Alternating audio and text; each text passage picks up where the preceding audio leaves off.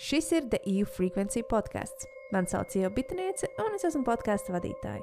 Es lasu divas grāmatas nedēļā un aktīvi sekoju līdz tematam, kā maksimāli uzlabot savu dzīves kvalitāti un attīstīt savu potenciālu. Katru nedēļu man pievienosies kāds viesis, kurš padalīsies ar saviem life hacks, un mēs kopā apspriedīsim aktuālo zinātnē, ezotērijā un varbūt pat popkultūrā. Sarunas bez liekas formalitātes un ar daudz smiekliem. Lielais kāpums, lielais uh, veiksmes ceļš būs podkāstiem nākamgad un aiznākamgad. Man tā šķiet. Mm -hmm. Nu, cerēsim. Tas tāds īstenībā jau formāts, kas jau gadiem eksistē. Ļoti daudz, jo mans podkāsts bija 2017. gadā iepriekšējais. Tev jau bija podkāsts? Jā, bet tas bija par dejošanu. Tāpēc mm. varbūt tu nezini. Bet nē, man liekas, ka es zinu gan. Nu, jo es jau tev tāpat neizbēgam, tāds man liktenis sekot līdzi, ko tu dari. Kā, man liekas, ka es zinu gan. Bet, eh, bet tev nebija daudz epizodus. Jā, man bija divas sezonas, katrā sezonā pa desmit epizodēm. Tagad 20 bija epizode. 20 bija. Kāpēc es atceros, ka 3 tikai? Bet, zināmā mērā, ir 31. decembris, un kā, atcerēties jau šogad, kas notika, būs grūti, kur nu vēl 17. gadā. Līdz ar to mēs tagad īstenībā varam sākt ar to. Ir pagājuši desmit gadi. Mēs esam atgriezušies šajā vietā, kad tu man pirmo reizi intervēji. Nemūl nopietni. Un es sēžu tieši tajā pašā vietā. Tiešām. Es šorīt noskatījos tiešām. to interviju. Ak, nē! nu, kā bija? Dīvaini, ļoti dīvaini. Es esmu tik ļoti mainījusies. Tas ir labi. Pēc izskata. Vai tev, um, kā angliski saka, krinžoja skatīties uz sevi? Ne īpaši īstenībā. Es nebiju nekad redzējusi, jo es neskatos un neklausos to, ko. Mm. Jo tu jau tur biji, tu jau zini, biju, tu jau zini, ko tu pateici. Un es klausījos, ļoti, man bija tik interesanti, jo es neatceros daudzas lietas. Mm -hmm. Un tīpaši kaut kādas bērnības lietas, kuras tagad noteikti neatceros. Un tur es stāstīju, un tagad man tāds, wow! Mm. Tas notika, un tagad es atceros, ka tas notika. Nu, tā epizode ir tāda, kas, hmm, kā lai paskaidro, es viņu ļoti labi atceros, un ir daudz cilvēku, kas joprojām viņu man atgādina ka viņi ir redzējuši. Tas šķiet interesanti. Mm.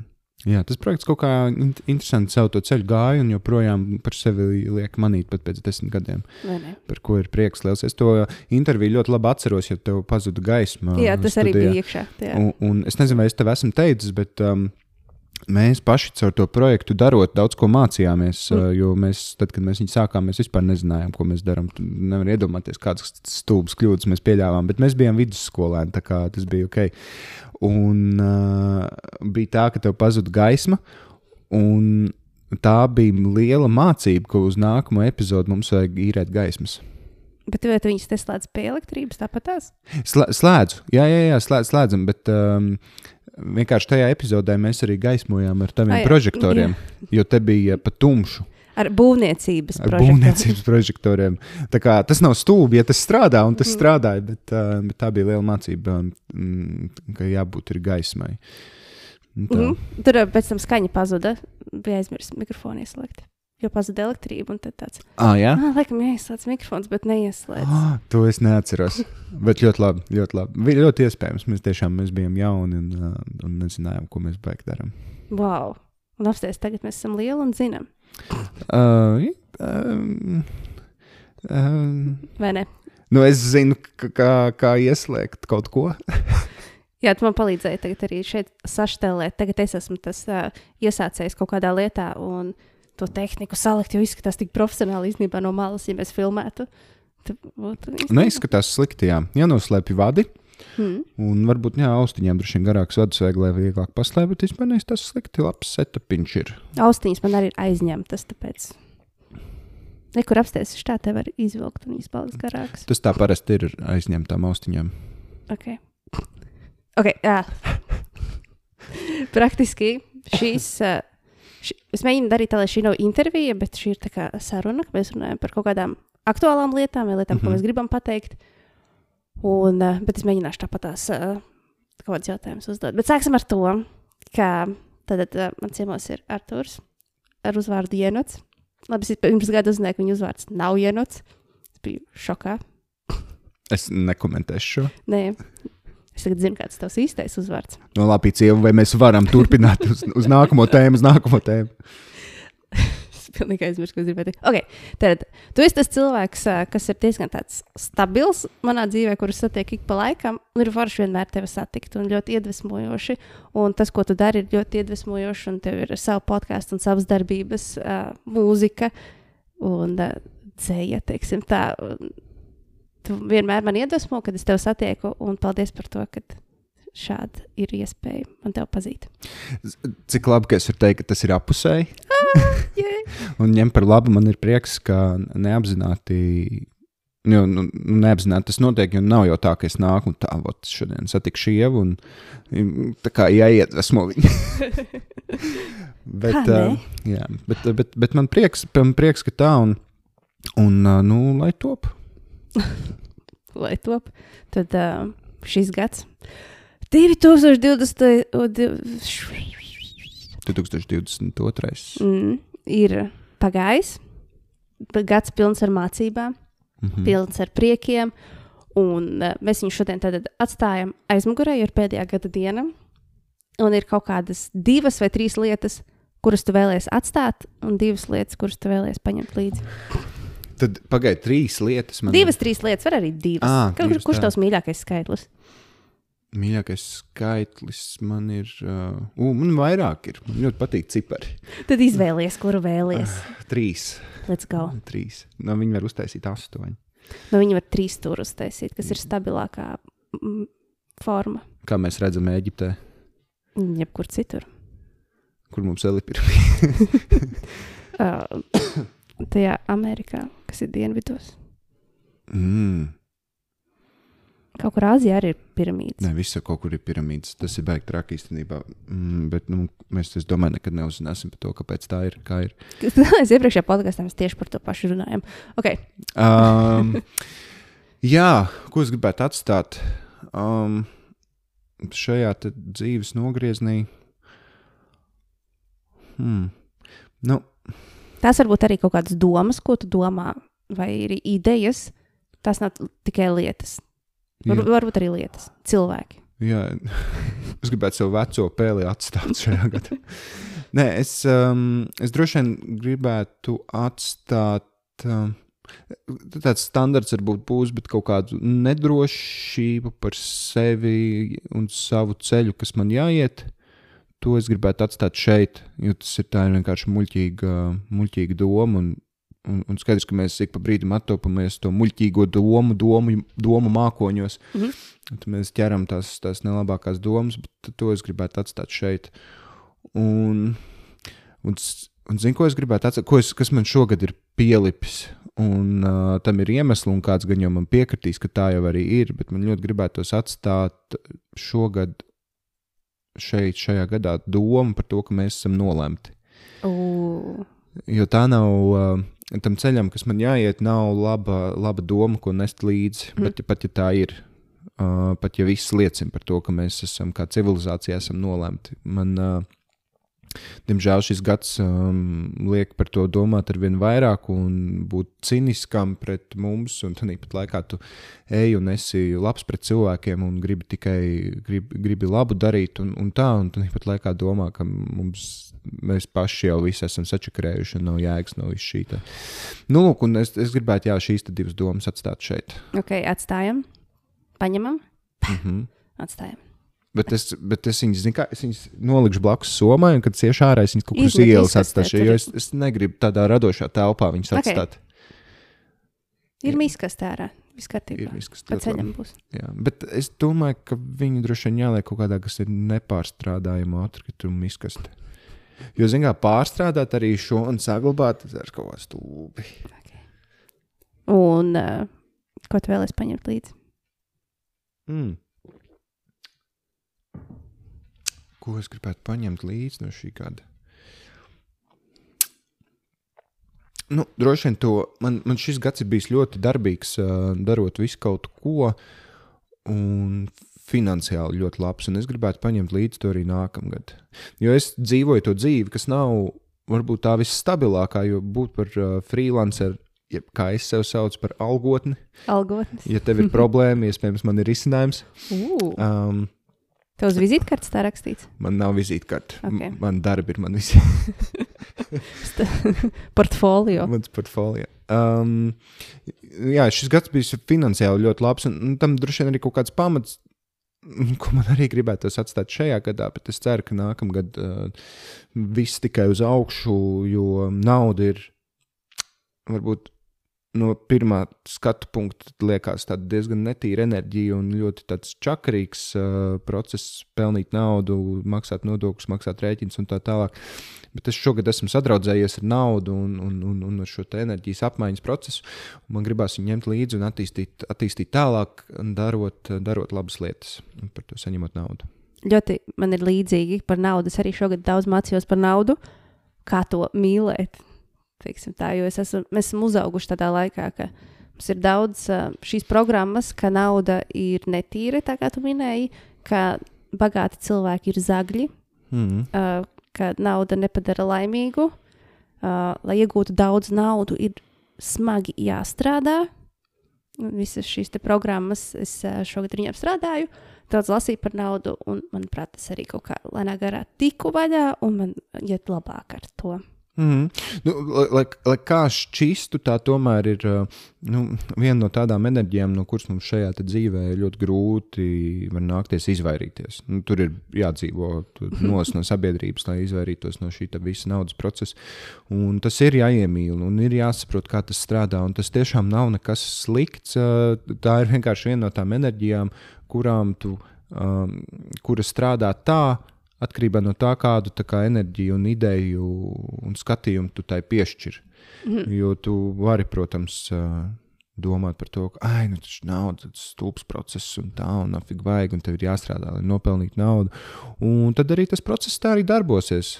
Bet, ja tu tam pieeji no otras puses, ka tā ir enerģijas apmaiņa, ka tu veic kaut kādu darbu, un neko labāk mēs neesam izdomājuši, jo, nu, sorry, es ar tam, tiem diviem kilogramiem meliņu neko īsti nevaru izdarīt, jo man melns negaršo iespējams. Mm, šis ir labākais process, ko mēs esam atraduši. Vienkārši jā, ir, ir, ir jāsadraudzējās ar to.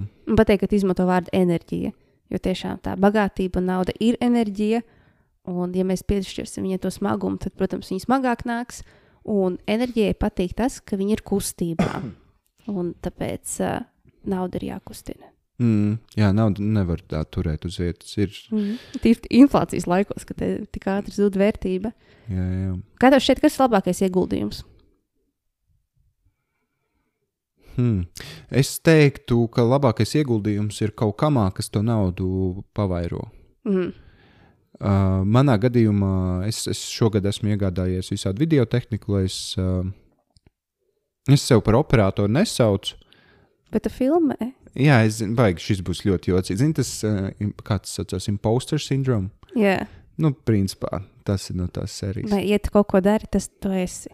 Viss kārtībā, nekautrējies. Ai. man, es nezinu, laikam man ir Iespējams, tas ir arī kaut kāds, hei, es neesmu šis, lai noņemtu no sevis atbildību, ja nu gadījumā man kaut, kaut kas nesanāk. Jā. Jā. Um, bet, nu jā, nu es uh, ieguldīju gan lielu summu kaut kādā tehnikā, uh, un tā tehnika ir apmaksājusies uh, jau diezgan ātri un, un turpina apmaksāties, un es jau varu domāt par kaut kādu jaunu tehniku, kas ir mm. super, nu, jo tas tev ir kaut kāds tas pamatlietas, kur tu to naudu vari turpināt taisīt tālāk. Tas ir, man liekas, labs ieguldījums. Uh, protams, standartā ir ieguldīt sevi, tur, vai tu ej pie psihoterapeita vai psihologa vai, um, vai, vai, vai nezinu, ej uz kaut kādiem kursiem. Tas arī ir labs ieguldījums. Viss, kas tev iemāca kaut ko vai, vai liek justies tā, lai tu varētu darīt tās lietas, kas tev ir jādara. Mm. Tātad labs ieguldījums ir sevi. Es tam pilnībā piekrītu. Jā, nu, es, es domāju, ka mēs, es nezinu, par ko mēs vēl runāsim šajā podkāstā, bet es domāju, ka mēs ļoti daudz pārcelāsim tādas lietas, kas ir vienkārši, kāds teiks, klišejas. Es saukšu tās par vecām patiesībām. Um, ieguldīšana sevi ir kaut kas tāds, nu, ko es domāju, mēs visi esam dzirdējuši.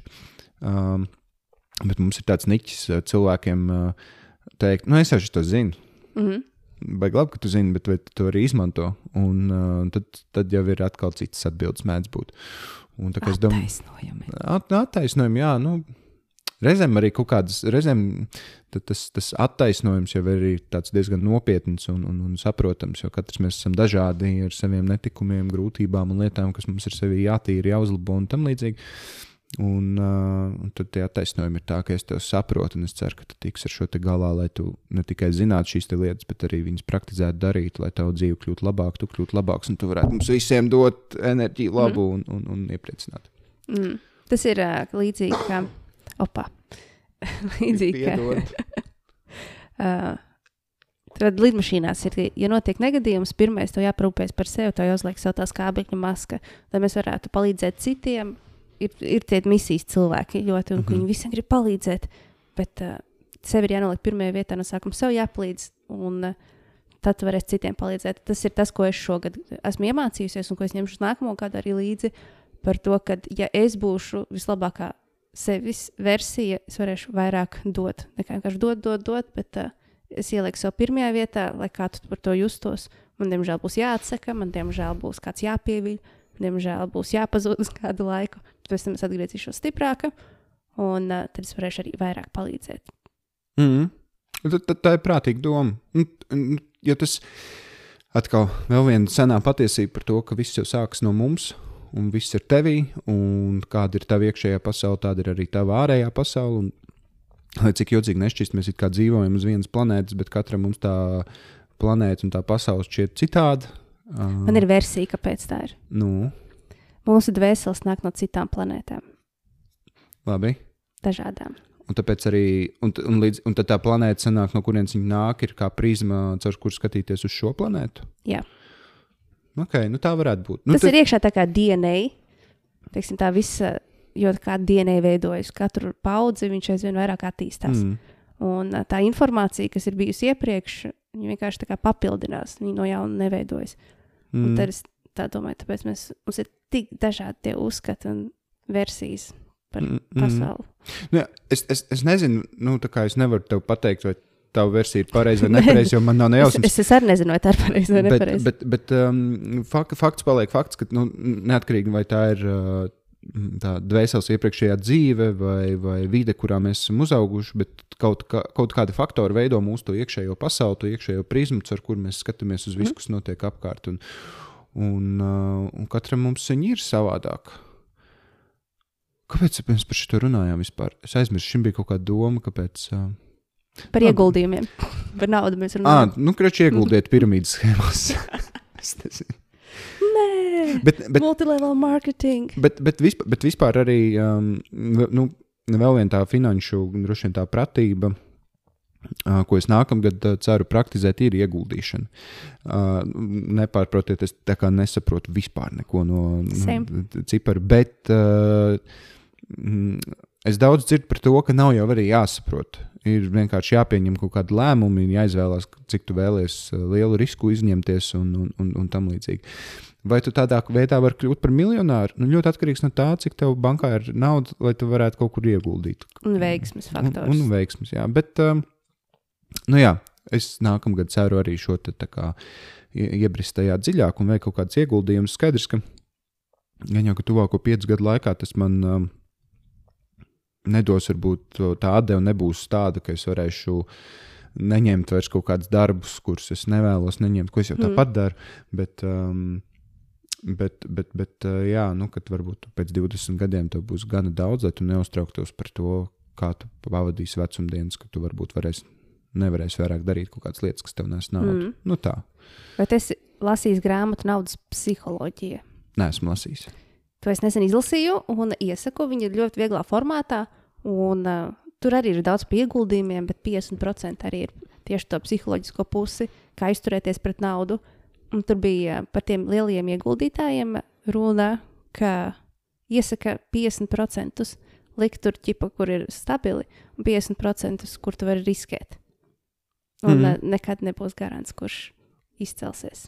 Nu, man arī ir tāds plāns, mm. ka iet kaut kādās stabilās lietās, iet kaut kādā, investēt kaut kādos uzņēmumos, ar kuriem man sakrīt vērtības, vai kurus jūtu, ka šis nav tumsas uzņēmums. Tumsas uzņēmums. tā. Um, un jā, un arī pamēģināt to risku. Jo Un, un vēl viena lieta, nu, arī šis arī par kaut kādu finanšu pratību. Mm -hmm. Tā kā es uh, nu, tu iegūti kaut, kaut kamā, un tad tev nāk kaut kāds dividends vai kaut kas. Mm. Un mana uztvere ir tāda, ka, ja, ja es esmu kaut ko savu naudu, kaut kādu ieguldījis, un man kaut kas atnāk no tā atpakaļ, es to, kas ir atnācis atpakaļ, ieguldī, varu ieguldīt kaut kur citā, kaut kādā citā lietā, iespējams, ar krietni lielāku riska faktoru. Bet man nav emocionālās piesaistes tai naudai, jo es vēl neesmu pieņēmis, ka tā ir mana nauda. Tas mhm. nozīmē, ka ar cipariem, kas man nepieder, es jutīšos krietni ērtāk riskēt nekā ar cipariem, mm. kurus esmu tur, tur nopelnījis. Jā, tur ir tik strādājis, lai, lai, lai, lai nopelnītu. Jā. Nu tā, ka tai naudai arī ir tie mm. svari, vai ne? Nu, tā kā attiecīgi, cik tu daudz tu darbu ieguldīsi un, un ko tu par to esi saņēmis un ko tu ar to naudu izdari. Un, uh, vai tu viņu apēdi, vai arī ieguldīji kaut, kaut kur, kas tev palīdzēs strādāt vieglāk nākotnē. Jo man un manam uh, vienam draugam uh, bija tāds ļoti aktīvs pavasaris, kad mēs nenormāli močījām. Nu, man bija svētdienas brīvs, principā tikai labi. Ja? Un, protams, tu to summu tā mēneša laikā vai pusotra mēneša laikā nopelni nenormāli. Bet uh, es no tā, no tā visa posma iznākot ārā, man bija tāds, ok, tagad es zinu, ka daudz, nu, tagad es zinu, ka es gribu strādāt mazāk un saņemt vairāk. Un tik, lai arī cik tas skanētu, varbūt, nezinu, pirmajā, pirmo reizi to dzirdot, skan slinki, varbūt, vai, vai kaut kā tā, Noteikti, bet, ne. bet tas ir tā kā loģiski. Nu, tu, tu gribi strādāt mazāk un saņemt vairāk, bet tas nenozīmē, ka tas darbs nav, nav labs vai nav kvalitatīvs vai, vai tam līdzīgi. Jo močīt tā un, un tu saņem to lielo naudu, ir kā, nu, tu vienā brīdī salūzīsi, un kas tad strādās mm. tavā vietā. Jā, šī ir laba schēma īstenībā, kā dzīvot. Teiksim, tā, tad, mēs esam jauni, mēs rīktīgi izmēģinām, mēs haslojam, mēs uh, strādājam, mēs daudz ko izmēģinām. Rīktīgi, rīktīgi, rīktīgi. Un pēc tam, ah, ok, tā tad tu saproti, ko tu gribi darīt, pēc tam, ko tu negribi darīt, un tev ir pieredze. Un pieredze ir tā, kas uh, dod to vērtību. Līdz ar to tu vari prasīt vairāk, darot mazāk. Mm, jā, precīzi. Tāpēc, tāpēc mēs droši, jaunieši, vienkārši haslojat. Es teiktu, līdz pat 30 gadu vecumam jūs varat rīktīgi haslot. Varbūt pat mazāk atkarīgs jūsu darba vide vai kur, ko jūs vēlaties darīt. Sakrājat pieredzi, sakrājat kontaktus, un pēc tam jau jūs varēsiet vienkārši nu, prasīt vairāk, mazāk darīt. Tas ir, vai kur vēl viena grāmata, ko es varu ieteikt, ir uh, Four Hour Work Week. Mm -hmm. Viņa ir diezgan paveca. Tur ir tādas uh, novecojušas, varbūt uh, novecojuši padomi, bet uh, kopumā tur ir par to, ka mēs deleģējam darbus citiem, ko mēs negribam vairs darīt. Nu, sākumā mēs darām visu, pilnīgi visu. Un pēc tam mēs deleģējam, un tad pelnām vairāk, strādājam mazāk, un tas ir ok. Precīzi. es gribu papildināt vēl par to ieguldījumu sevi. Ieguldīt sevi ir arī aizbraukt ceļojumā. Ieguldīt sevi ir arī sev aiziet uh, palutināt uz spā. Tas arī ir ieguldījums, tā kā nejūties vainīgi darot šādas lietas ieguldīt atpūtā. Mm, jo, ja tu jūties labi, tad arī to darbu, ko tu dari, tu darīsi labāk nekā tad, ja tev ir besis. Mm. Un besi var noņemt ar uh, visādām atpūtām. Vai tā ir ceļošana, vai tā ir aizbraukšana pie kaut kādas dabas, kaut kādā namiņā, palikt nedēļas nogalē, mm. kas tev izmaksās kaut kādas gan jau 200 eiro, nezinu, kādas cenas atkarīgs, kur tu brauc. Bet, uh, ja tas tev palīdz justies labāk, lai tu darītu vienalga, ko tu dzīvē dari, vai tas ir hobijs, vai tas ir tavs ikdienas darbs vai freelance. Bet, uh, jā, tas viss ietekmē. Tā, tā, tā ir tā iekšējā pasaule, kas liek sevi manīt uz katru soļu, kur mēs speram dzīvē. Un, un darbs ir viens, nu, tā kā darbs aizņem lielāko daļu mūsu dzīves, vai nu, vienu no lielajām daļām mūsu dzīves, tad uh, loģiski, ka tu gribi tur justies labi, to darīt un izdarīt labi. Man īstenībā ļoti patīk strādāt, to es sapratu nesen. Es skatījos kaut kādas seriāls, filmas, kur cilvēki tiecās uz to, lai nestrādātu. Bet tā kā tas ir iespējams? Nestrādāt. Jā, nu, zini, es, es, es, es domāju, šis arī ir kaut kāds varbūt, mums izaicinājums uh, mazliet pārdefinēt, varbūt, un mm. atrast kaut kādu labāku definīciju tam, kas ir darbs. Ok. Ļoti labi. Nu, tas tā kaut kas, ko pašam, jo man, man arī ļoti patīk strādāt, bet uh, Es, ja, bet es zinu, piemēram, citi cilvēki to nesauc par darbu. Tie, kas strādā kaut kādos smagos, tur būvē mājas, viņi domā, ka mēs haļavu laižam. Jā, jā. Darbs. Bet arī es domāju, ka ne visi tā teikt. Jā, jā nevis, bet kādreiz tas bija ļoti izteikti, kad es augu, ka, piemēram, dejošana ir hobijs un izklaide. Jā, jā, jā. Jo es domāju, ka kaut kāds mājas būvnieks, ja, kas dara to smago darbu, un, un, un tā, nu, mēs varam paņemt divus, divus cilvēkus no šīs industrijas. Jā. Mm. Viens, ir, viens ir tāds, kas to dara ar uh, lielu, lielu prieku un lielu atdevi. Un viņam nu, tā kā rītīgi vispār nerūp, vai tas, ko tu dari, ir darbs mm. vai nē, jo viņš jūtas ļoti labi tajā vietā, kur viņš ir. Un tad ir tas otrs, kurš ir tur uh, sviedri asins un, un strādā, un lai nopelnītu naudu, un viņam ir kaut kādas iekšējās, kaut kādi savi pārmetumi vai kaut kas, kas viņam neliek justies labi par sevi un to, ko viņš dara, un viņš skatās uz citiem, viņam tāds, ko jūs vispār darat. Un tur redz, ka cilvēks ir laimīgs darot kaut kādu darbu. Nu, loģiski, ka tu esi laimīgs, tas nav darbs. Darbs ir tas, ko es daru. Darbs mm. ir uh, tas, ko man kolēģi dara. Un, un... Tas ir ar to smagi strādāt, lai nopelnītu. Jā, jā tā kā tur, tur mums jau ir daudz jāstrādā pie tās sapratnes par to, ko citi dara. Mm. Un, uh, hei, nu, mēs esam nu, jau 8 miljardi uz šīs planētas, un uh, mēs katrs, katrs darām kaut ko citu. Un, uh, un, man liekas, jā, nu, tā, tā sapratnes veidošana pret citiem ir tas, pie kā mums ir jāstrādā. Jo mums to vismaz pagaidām dabiski neieliek vide iekšā un skola. Izskatās, ka vispār nākotne būs tāda droši, droši noklapojies. Ak, Dievs! nu. Ka nākotne būs pārsvarā freelancer darbs. Man šeit kaut kas to iet. Vai freelancer darbs ir tāds, kas jau kļūst par normu, kādreiz bija tāds, oh, kas tie pa sliņķiem. Bet tagad ir ērtāk gan uh, nopirkt, ne, noalgot freelancerus, gan arī būt freelancerim. Mm.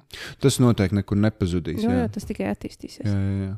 Jo es esmu, man ir bijušas divas stabilas darba vietas.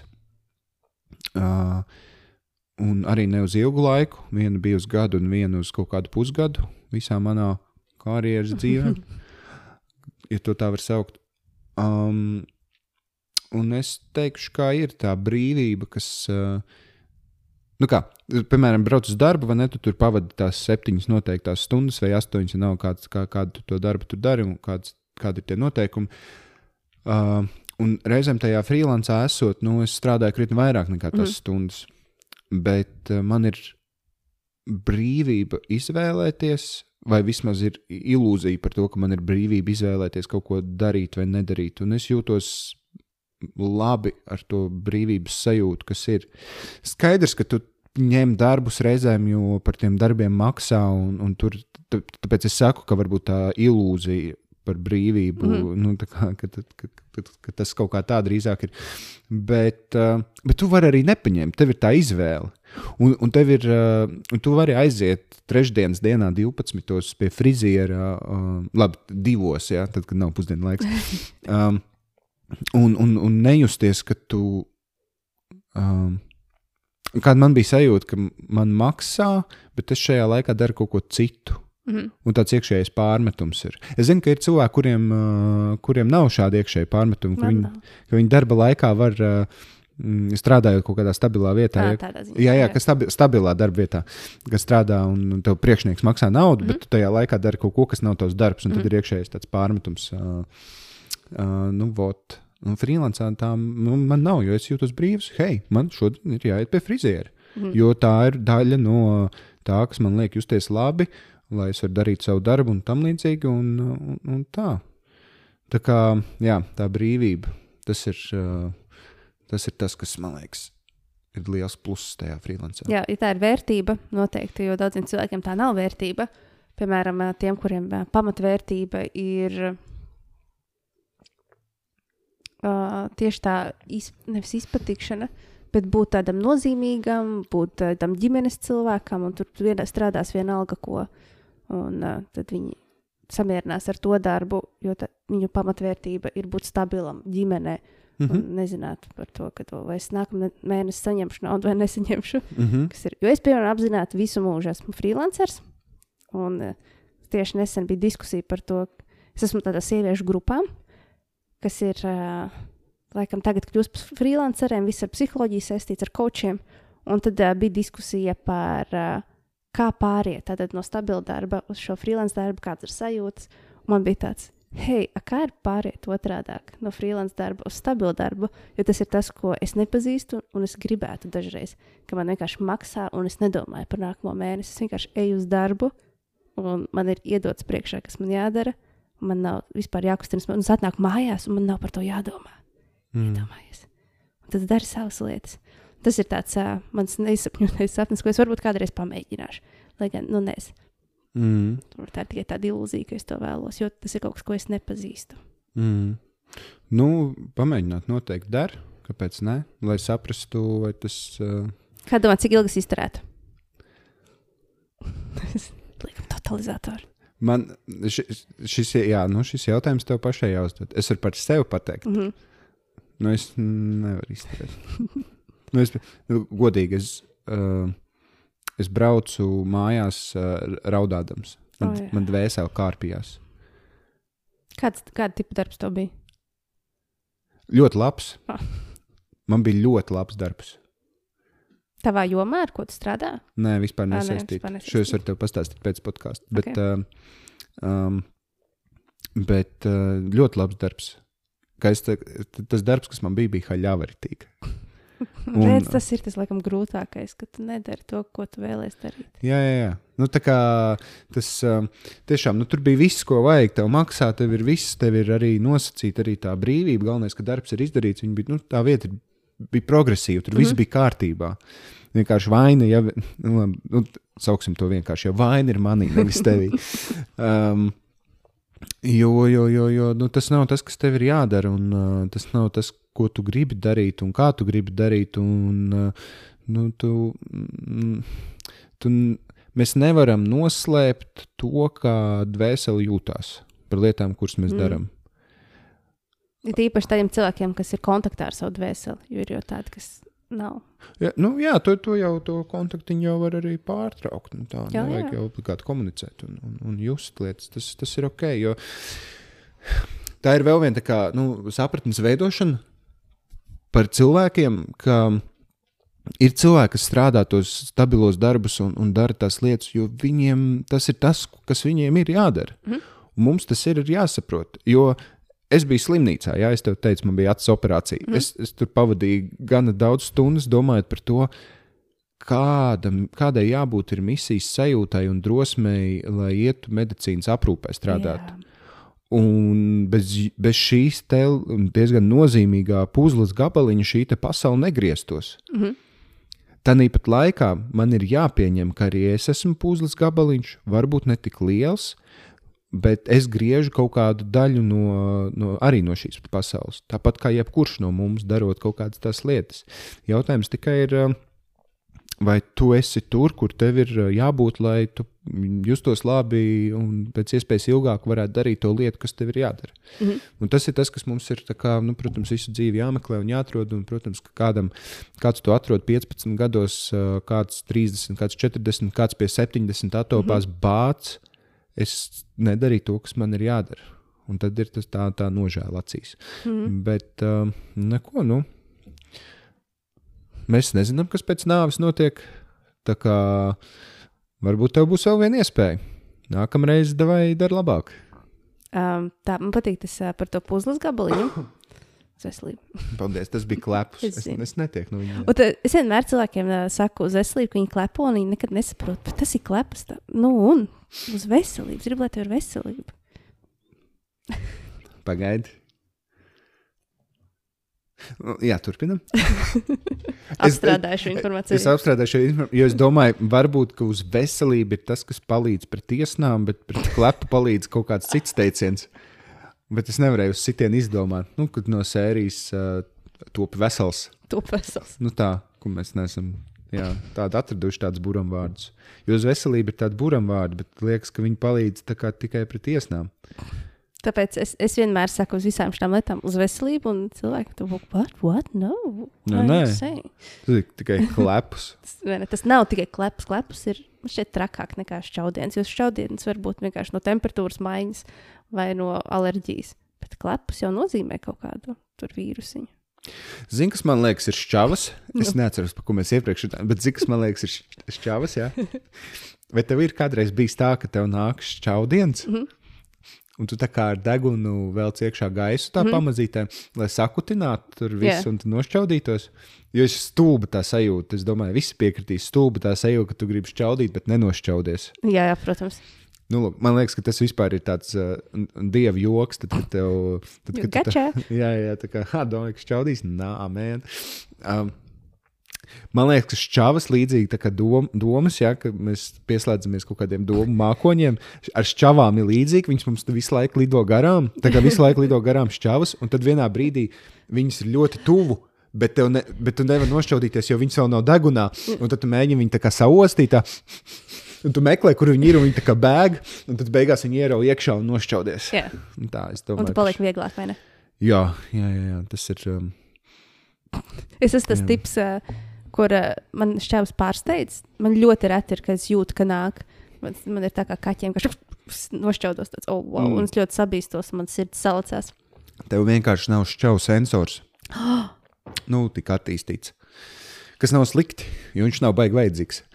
Bet es gribētu zināt, kad man nāk šķāva. Nu, bet tev ir kaut kādas citas lietas. Jā. Nu, kaut kas, ko, ko, ko tu dari, kas tev ir attīstītāk nekā citiem. Nu, tā. Uh, par iepriekšējo tēmu. Man nu patīk tas par puzles gabaliņiem. Mm -hmm. uh, ir tāds Matijas De Stefano, kas ir uh, cilvēks, kurš atcerās visas savas iepriekšējās dzīves, arī mm -hmm. uz mhm. citām planētām un uh, arī uz šīs zemes. Un viņš uh, stāsta visu šo informāciju, un ir ļoti dabiski sajūta viņam ticēt. Lai vai kā jūs varat pastīties, bet saruna nav par to.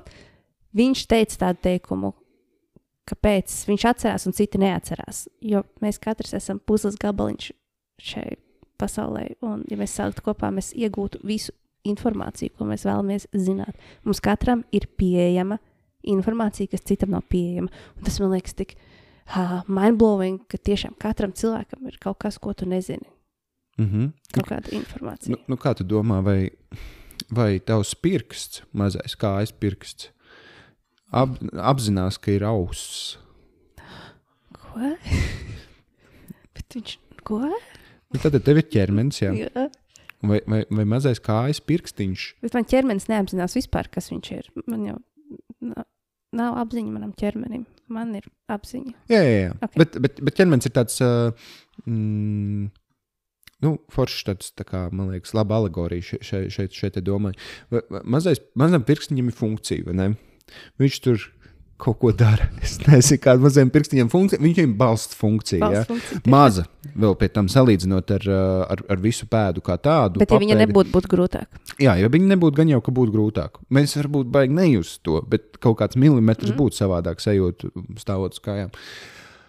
Lūk, bet lai viņš funkcionētu. Vai viņam ir jāzina par to, ka eksistē auss, kas uh, uztver informāciju, kuras uzdevumi, labi, abas ausis. Sapratu ideju. Jā, Nē. Nu, viņam nav, bet, uh, bet arī bez ausīm kaut kas stulbi būtu. Jo tad nevarētu uztvert informāciju, nevarētu dzirdēt mm. briesmas, nevarētu nu, kaut ko no auss, kas nu, viņai jādara dzīvē. Mūzika. Un, nu, jā. un tā ir ar, ar jebkuru citu mūsu ķermeņa daļu, līdz pat šī, sīkākajai šūnai. Katrs mm pilda kaut kādu savu funkciju, un dienas beigās Tas viss ir viens mm -hmm, organisms, viens vesels, viens vesels kas kustās kaut kur uz priekšu. Mm -hmm. Kur tas ir eh, nu, jautājums, ko tava apziņa mēģina atrisināt? Kas man vispār jādara šeit? Mm. Ir?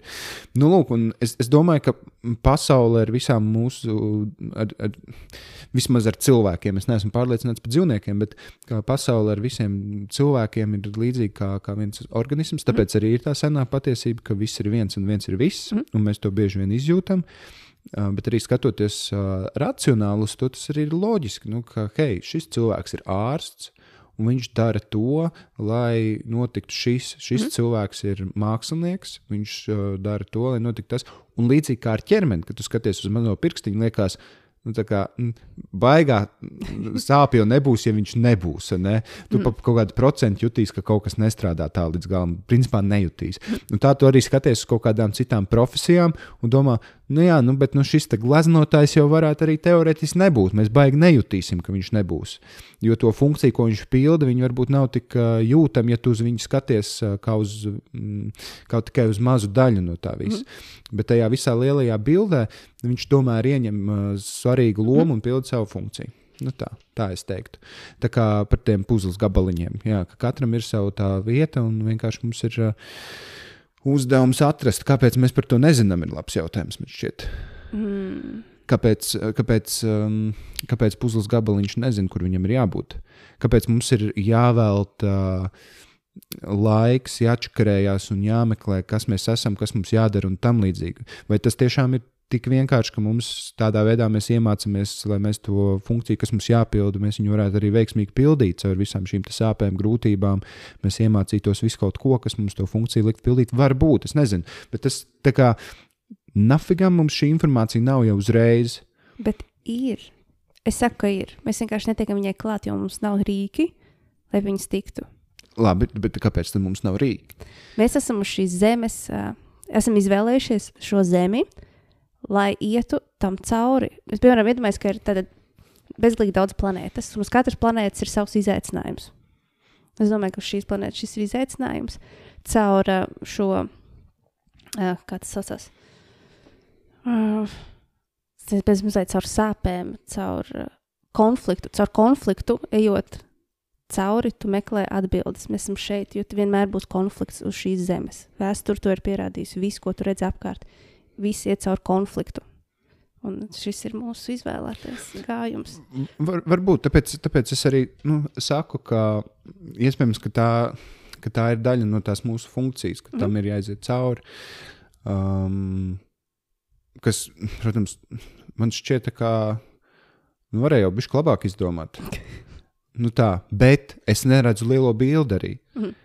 Un uh, man liekas, ka arī tik Dūmi ir šī tā darīt. Nu, tā Bet kā... tajā pašā laikā, ja atskaties savu dzīvi, tu šeit pateicīgs par lietām, kas ir slikti notikušas. Nu, slikti ir tajā brīdī. Jā, jā, jā Pro, mm. protams. Bet kā, es, ne, es nezinu, kas notiek. Ir arī, piemēram, versija par kāru, kāpēc kāri ir nepieciešami. Ka mēs kā cilvēki pārāk labi sākām iejusties un pārāk lielā komfortā, un ir nepieciešams karš, lai mēs atgrieztos pie mūsu patiesības, pie mīlestības, pie rūpēm, pie tās misijas sajūtas. Jo bez kara tā nav jūtama. Tāda ir teorija. Ne mana. Jā, nu, diemžēl mēs, nu, kā mums karš šobrīd ir ļoti tuvu. Mm. Bet nav jau tā, ka. Man vienkārši viņi... prāts grib racionāli visu izskaidrot, jo citādi ir baigi sāpīgi. Jā, jā, jā. Nu, tā, tā ir kaut kā tāda prāta aizsardzība funkcija, ne, kā, lai tu nepārceptos emocijās. Un, Tieši tā. Un tā nu, loģiski, ka viņš mēģina atrast risinājumus pat stulbus reizēm. Kā... Jo, jā, jāmēģina funkcionēt tālāk, un uh, nav jēga no manis, ja es vienkārši pārdzīvoju par lietām, ko es fiziski nevaru ietekmēt. Nevar. Es varu vienkārši dzīvot savu, izvēlēt to dzīvi un būt labāka sevis es versija, un ja kaut kas notiek, es būtu gatava. Jā, nu, jā. Nu, prāts jāmēģina nosargāt ķermenis. Kā, nu, tas pašsaglabāšanās instinkts arī skaidrojot visas šīs lietas. Prā, man, prāts ir tāds tā, tāda ļoti norūpējusies māma. Saka, ka tas ir tīneģers, kas spītīgs. Mm, es, es teiktu, ka mamma, jo viņa, viņa ļoti norūpējusies. Nu, es, mēs esam mājā, un ir komandas stunda, un pēc astoņiem nevar iet ārā. Mm nevis komandas stundu tajā pasaulē, kur mēs esam, bet tieši mājās ir likums, ka astoņos nevar iet ārā, mamma nelaiž ārā. Mm. Bet pēc pusdienas astoņiem pilsētā sākās īstā lieta, īstā dzīve. Tur ir viss tas, kas notiek. Mm. Un, uh, un reizēm tā mamma nav uzmanīga. Un reizēm tu izmūci ārā no mājas, un tad visādas lietas uzzini un noskaidro. Un tad mamma reizēm ir dusmīga, kad tu atnāc mājās un tad tev mājās nav labi vairs. Un tu esi satraucies, un tu esi viestā, jo mamma ir dusmīga. Prāts nenostrādāja tad, kad viņam bija jānostrādā, lai nosargātu tevi. Jo iespējams, mm. tam, kas ir tur ārā, tu neesi gatavs. Bet, bet dažreiz mammai nav taisnība. Dažreiz mammai nav taisnība, bet mamma nezina, kas būs tad, kad tu izies ārā un atnāks atpakaļ. Bet viņa sargās pilnīgi no visa. Jā, un tāpēc saka, viņa ir pārāk norūpējusies. Mm. Ja mamma nāktu līdzi, pēc mm. pusdienas astoņiem. Un sarunāt ar mammu, lai viņi nāk līdzi. Un tad mēs varētu arī, kā tu saki, konektēties ar, ar savu dvēseli, ar to, ar to realitāti, kas, kas ir paplašinātāka par to, ko mēs redzam, ko mamma mums ļauj redzēt. Un, un tā. Divas lietas, ko es vēl par astoņiem miljardiem vēlos pateikt. pateikt. Ir 8 miljardi cilvēku šobrīd ir uz pasaules. Kreizī. Resursi izsīkst, viss ir slikti. Tas nav tas, ko es laikam vēlos pateikt. Bet uh, par, uh, pirms simts gadiem bija cik divi miljardi cilvēku, vai pat viens miljards. No kurienes tās dvēseles nāk? Tāpēc man bija tā teorija arī par citām planētām. Ne jau no šejienes, ka mēs tur visu laiku veidojamies no jauna, bet no kaut kurienes jau viņas nāk. Uh, ir tāds video, kur ir uh, tāds maziņš, man ka viņš ir vai nu hormons vai šūnas, oh, pēkšņi aizmirsu, bet maza tāda daļiņa, tāds pupsiks viņš iet, un viņš velk līdz tādu lielu bumbu. Mm -hmm. Es redzēju to video. Mm -mm. Tā ir laime. Tas ir tas hormons, kas izdala laimi, ka mēs jūtamies À, laimīgi. to, jā, to es esmu redzējis. Vai tas nav? Tas Tas ir tāds kipars, ne? vai ne? Un tad uh, uzreiz bija nākamā versija, ka mēs, kā cilvēki, esam kāda cita organisma strādnieki. Mm -hmm. Jā, šī, un, un, un, un tad, kad tu padomā par savu organismu un katru to mazo šūnu, kas kaut ko dara, ne? Viņi tur vienkārši strādā. jā, jā, nu, kā, mm, un, un reizēm tas šūns nestrādā. Mhm. Un tad sākās kaut kādas problēmas uh, visam tam organismam. Nu, un, tāpēc arī. Tāpēc arī mēs meklējam to, kā labāk strādāt, lai to organismu vispār turētu dzīvu. Kas, zi- zini, kā? Ir, man, man, man ļoti patīk uh, par šīm lietām visām domāt un teorizēt, bet ne par ko neteikt, ka tā ir. Mhm. Jo man, godīgi, man nav nejausmas. Es zinu lietas, par. Ir kaut kādas lietas, par kurām es jūtu, ka es zinu, bet uh, tās ir ļoti maz, un par pārējām es tā kā man nav nejausmas. Bet tu vari tāpat runāt, un tad izkri jā, jā. izkristalizēsies. Ne, par, tam, par to mums ir jārunā, un jārunā ir droši, un, uh, un nav jābaidās par to runāt. Lai gan kaut kā, kaut kā pēc, man nav nejausmas vēl kāpēc, bet um, ir tāda sajūta, ka šī sabiedrība negrib izklausīties pēc kaut kāda frīka. Bet, principā, šī iemesla dēļ arī es negribu izklausīties pēc frīka, bet sabiedrība negrib par šīm tēmām runāt. Uh, tas ir ok, par to negribēt runāt. Vēl sliktāk ir um, ņirgāties, noniecināt tos, kas par to runā. Mhm. Lai gan arī tie, kas par to runā, paši ir bieži vien pie vainas par to, ka viņus noniecina. Jo viņi daudzas lietas uzstāda kā simtprocentīgi patiesību un ka ir šādi. Un grib uzspiest to citiem, kas ir tāda pati galējība, kā uzspiest citiem, ka tā nav. Un Mhm. tad mēs visu laiku maļamies uz tādas, tādu, tādu apli un beigas slikti. Tas viss ir, man liekas, jo par to ir jārunā. Un par to nav jārunā, ja ir grūti par to runāt. Visam savs laiks. Un par šīm lietām ir jādomā, jo tas um, kaut, kaut kā pēc mēs gribam zināt šīs atbildes. Lai gan mums, man ir sajūta, ka mums it kā nevajag to zināt, bet ko es zinu? Tā. Iedomājieties, kas notiek prātā. Ir tāds, uh, mēs šeit ar Marģeru runājām par to, ka viņš stāstīja, ka viņš, viņam patīk skatīties savas domas kā trešajai personai. Mhm. Viņš vienkārši ir maliņā, viņš nav savas domas, viņš skatās. Un tieši nākamajā dienā es lasu rakstu, tur viens doktors, un viņš saka, jā, mēs neesam mūsu domas, mēs esam tas, kas vēro tās domas. Mhm. Tas, oh, viss tieši tā kā sakonektējas. Un tā, es gribēju iet tālāk. Um, Es, es jau piebildīšu, tas, Mm. mm. tas par tiem mākoņiem domu. Mm. Mm. Tas, uh, jo, ja mēs būtu savas domas, un es, šis būs rītīgs skarbs piemērs, bet es jums atličāju, katrs no mums vismaz vienreiz dzīvē ir domājis, kā būtu, ja mēs kādu nogalinātu.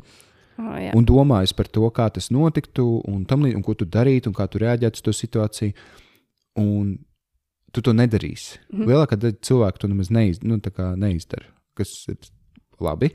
Um, bet, ja mēs būtu mūsu domas, tad jau mēs visas tās lietas arī darītu un būtu tāda, kāda, kādas ir tās domas, bet mēs neesam. Kas jau, man liekas, ir pierādījums tam, ka mēs neesam mūsu domas. Mm. Bet tad jautājums ir, nafigam viņas tur ir tādas?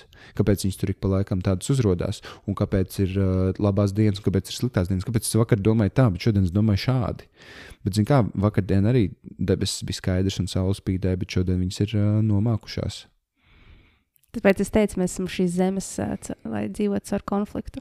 tas ir tas konflikts arī mūsu prātā. Jā, bet es, es, es, es stabili nāku no. Ja es nāku no kādas vietas, jo es nezinu, bet, uh, ja es nāku no kādas vietas, tad tur nebija konflikta vispār. Man ļoti nepatīk konflikti. Man ir ļoti maz uh, dzīvē konflikti ar citiem cilvēkiem. Mm. Um, Bet es nedomāju konfliktu kā strīdu. ah, nu, tu domā par tādu berzēšanos procesu. Jā. Tas ir par to, ka mums visu laiku ir izaicinājumi. Un tad es nāku no tādas vietas, kur, kur mēs es. Ar, nu, mēs nekasījāmies Mm. savā starpā. Es, es arī īsti nekad nestrīdos. Ja, ja man jāstrīdas, ej projām. Jā, nu, nav baigā jēga. Jāsaka, bet nu, arī nu, šī ir pasaule, kur tam ir kaut kāda nozīme. Nu, ja tas skatās no kaut kāda bioloģiskā uh, skatu punkta, tad uh, mums ir tas stresa hormons, un uh, arī no viņa var būt atkarība. Un daudziem cilvēkiem ir atkarība no stresa hormona. Viņi meklē šos uh, veidus, kā stresināt sevi un strīdēties. Un viņam nepaliek labāk, bet viņiem paliek labāk. Mm. Nu, ko tu vari pārmest viņiem par šo? Viņi nav apzināti vienkārši. Viņi, nes, viņi neuzdod savu jautājumu, kāpēc tā reaģēju. Jā, jā, viņiem kaut kāpēc viņi tur netiek. Un, Tā ir pilns ar traumām, bērnība, kad izaug lielāka. Mēs visi esam kaut kādā ziņā traumēti. mm. Man ir arī, nu, runājot par šīm skarbajām tēmām, um, man, piemēram, karš, karš Ukrainā, un, uh, un es šeit domāju par, uh, par tiem krieviem, kas iet tajā karā un, un, un, un, un tā. Un, protams, kaut kur iekšā ik pa brīdim iezogās tā doma, ka nolāpīts ir kas tie ir pa cilvēkiem. Bet, mm. tad, bet tad tu domā, bet tu saproti, ka viņi nāk no pilnīgi tādas vidas, kur nav tādas vērtības, kuras tu esi ieraudzījis un kur bija iespēja iemācīties vērtības. Un tu viņus sāc saprast. Tu neakceptē to rīcību viņu, bet tu saproti arī, kāpēc viņi ir tādi, kādi viņi ir. Viņi ir arī daudz ticīgi, un viņiem ir pateikts, ja viņi ies karā, viņi nokļūs debesīs. Labs apsolījums, tas labs dievs ir. Tas, nu, nu, ko, nu, tas, tas ir. Tāpēc nekad neusticos simtprocentīgi kristietībai un reliģijai. Nu, reliģija ir ļoti, man, man, reliģija ļoti sāpīga tēma. man šķiet. Jo reliģija ir vēl viena valsts, kas ir iz- izplatīta pa visu šo vi- visu, visu planētu lielākajā daļā pasaules. Un Tāda Vieta. struktūra, kas uzņēmums, es teiktu, tas ir liels uzņēmums, kas mēģina valdīt par cilvēkiem. Jā, būvēts uz ļoti labas lietas. Mhm. Un, un uh, uz ļoti labu pamatu, ka mums vajadzētu droši vien arī par ko mums vajadzētu domāt. Bija jautājums par to, cik ir reliģijas, un atbilde bija tik, cik ir mācītāji. Jā, jā. Man, man, mans uzskats ir tāds, ka um, mums katram pašam vajadzētu. Mums katram pašam jābūvē sava iekšējā baznīca. Mm. Un, un, un, Jo mēs paši esam dievišķas būtnes. Tieši tā, nu, tās atbildes ir mūsos. Un skaidrs, ka tu vari iet un meklēt ārējos impulsus, lai, par kaut ko, lai, tu, lai dabūtu tos impulsus, kas tev liek domāt par lietām uh, un just lietas. Bet uh, iet pie kāda cita un klausīties tajā, ko viņš stāsta, ir, uh, nu, tā ir viņa interpretācija. Mhm. Un uh, nebūt ne, ne, nepatiesa. Viņa var būt arī tuvu patiesībai. Viņa var būt tā, kā ir. Viņa var palīdzēt cilvēkiem. Mm, Jo ir baznīcas, kas ir labas. Mm. Ir baznīcas, kur um, paļubom dievs ir. Tā kā tu ienāc iekšā un tu jūti, ka nu, Mhm. šeit, šeit ir dievs. Tu jūti to dievišķo, tu jūti to gaismu un siltumu, kas, kas, kas, kas ir šai, šai lielajai enerģijai. Un tad pat laikā tu arī zini, ka bija krustakari. Tad pat laikā tu, ieej, tu, tad laikā tu lasi par katoļu mācītājiem, kādas lietas Mm. viņas dara, kas neiet kopā ar, ar, ar to, Tām vērtībām. ar tām un- vērtībām, kas, kas, kas tur ir. Jā, jā. Un uh, tas viss ir tik uh, neviennozīmīgi, un, un, un, un cilvēki to bieži uztver viennozīmīgi. Tie, kas ir uh, pret reliģiju, ka reliģija ir slikta un, un dievs neeksistē un, un Kristus ir izdomāts un, un bla bla bla. Un tad ir tie, kas uh, tam pārmērā tic nemaz uh, ar tādām nu, brillēm uz acīm, rozām Mm. brillēm uz acīm. Šis te mācītājs zina. Viņš zina to dievu vārdu, viņš viņu nes tālāk. Un, Jēzus viss izglābs. Jēzus viss izglābs. Kas, kas, kas nav melots, jo mēs nezinām, kā Es ir. nezinu. Man liekas, ka Jēzus bija un viņš bija vienkārši krūtis čeks, kuram bija spējas. Kā var, kā, kā, kā var tu, tu nevari. Tu vari visu kaut ko izdomāt, bet nu, šis, šis vīrs uh, eksistēja. Mhm. Viņš bija īpašs. Un uh, tas nenozīmē, ka viņš ir vienīgais tāds īpašs. Mhm. Šis te planētas ir vēl daudz tādu. Nu, tur salīdzinot attiecībās, protams, krietni mazāk nekā, nekā mm, pret nu, vispārējie cilvēki. kas Bet tagad tādi. viņi paliek vairāk, jo mēs esam 8 miljardi. Tieši tā. Tāpēc, ka uz um, simt tūkstošiem vienu vajag. Un Kādreiz, laikam, bija tikai 100 tūkstoši iedzīvotāji. nu, jā, nu, tā kā kaut kādai proporcijai ir jābūt. Nu, Tie, tie puzles gabaliņi. Ok, tātad, ko es gribēju pirms tam teikt, ir lieta, par ko noteikti ir jārunā, ko es gribu aizvien vairāk runāt, un ir par to metālu veselību. Un Mhm. it īpaši vīriešu vidū. Ja vīrieši maz par to runā, Mm -hmm. bet mēs visi ciešam. Jo arī pirms tam tu teici, ka tiek varbūt nevis pārmests, bet es zinu, ka uh, viņu sauc bez mazliet kāds vīrietis sāk runāt par mentālo veselību. Ir, o, mīkstais, o, tas, tu ne- neesi vienkārši kārtīgi darbu darījis. Mhm. Un tā ir drausmīgi vienkārši visas šīs limitācijas. Un, uh, diemžēl pasaulē ir šī statistika, ka divas trešdaļas uh, no pašnāvības skaitiem ir vīrieši. Un uh, viņi neiet meklēt palīdzību, jo tas nav it kā pierasts, tas nav pieņemts. Un es zinu, ka tu esi sācis arī par to runāt tieši par mentālo veselību. Mm -hmm. Un tad uh, no manas puses ir jautājums tāds, vai par to ir jārunā, cik daudz par to jārunā, un vai cilvēkiem ir jābūt drosmīgākiem, un kā ietekmēt šo situāciju, lai paliktu varbūt labāk. Um, es domāju, ka mēs pirmkārt, nu, jā, atbildes uz um, tiem, man liekas, jau tādi retoriski jautājumi, vai par to mm. ir jārunā. Vai, vai, vai, vai, Jo mums ir jābūt- cilvēki, kas saka, nu, varbūt nē, publiski, varbūt nē. Vai publiski ir jārunā. Mm, es teiktu, ka publiski ir jārunā tiem, kuriem tas ir jādara, kur ir tas Mm. mm. puzles gabaliņš, lai par to, kuros ietilpst šī misija, vai, vai, vai kā to vēl varētu nosaukt. Mhm. Um, bet vai par to ir jārunā visiem publiski? Nē, vai par to ir jārunā vispār? Noteikti. Un, um, es domāju, ka visam ir jāsākās mm, ar, ar to sapratni vienam pret otru. Jo uh, nu, es iz- iztēlosimies, tur vīrieti 35. Uh, dzīvo dzīvi, jūtas uh, mentāli nepārāk labi, bet viņš atrodas tādā vidē, kur viņam īsti nav par to, kur nevienam pastāstīt. Jo cilvēki viņu nesapratīs. Strunts par to, ka tie cilvēki nevarēs viņam ieteikt neko labu. Tas nekas mm. -hmm. cilvēkiem drīkst nebūt uh, informācija par to, kā palīdzēt citiem. Mm. -hmm. Tas ir ok.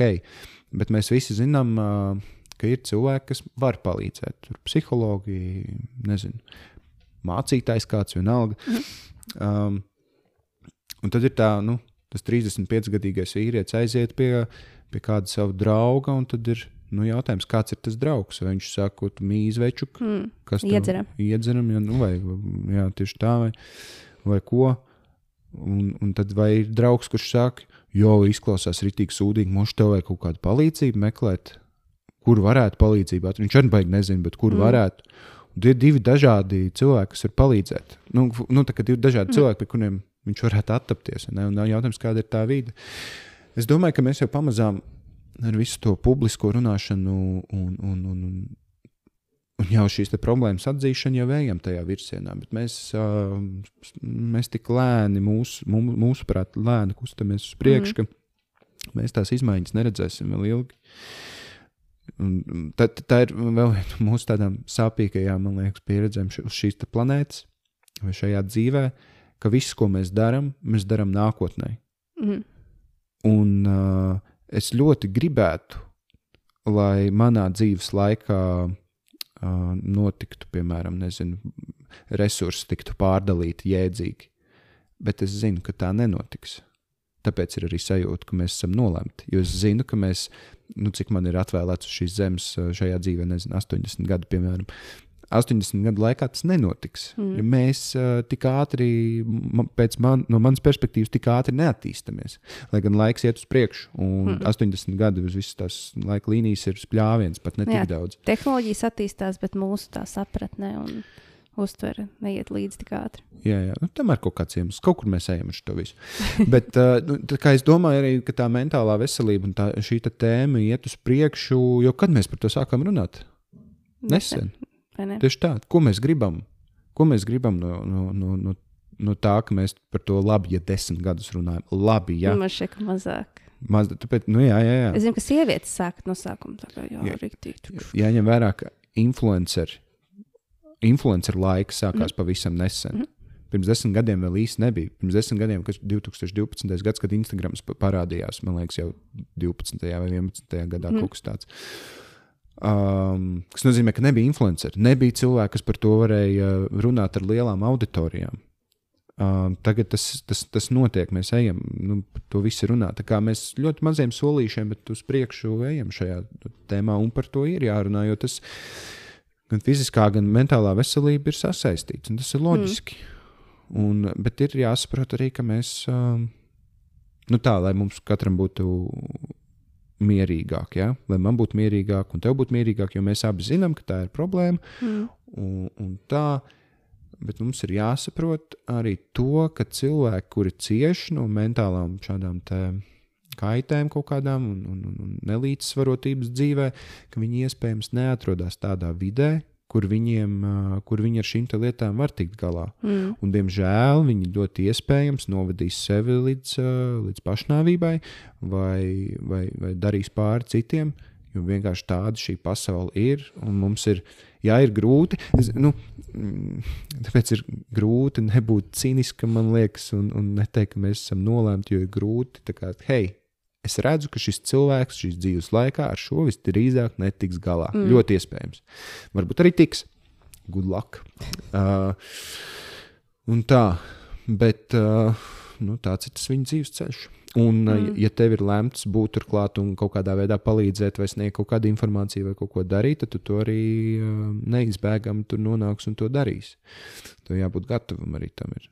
Un uh, tāpat laikā, iespējams, šo podkāstu klausās kāds, kam, kam tas ir vajadzīgs, un mēs to darām neapzināti. Tāpēc mm. ir ļoti būtiski arī saprast, kas tev dzīvē jādara, jo tu jau ietekmēs arī visus pārējos.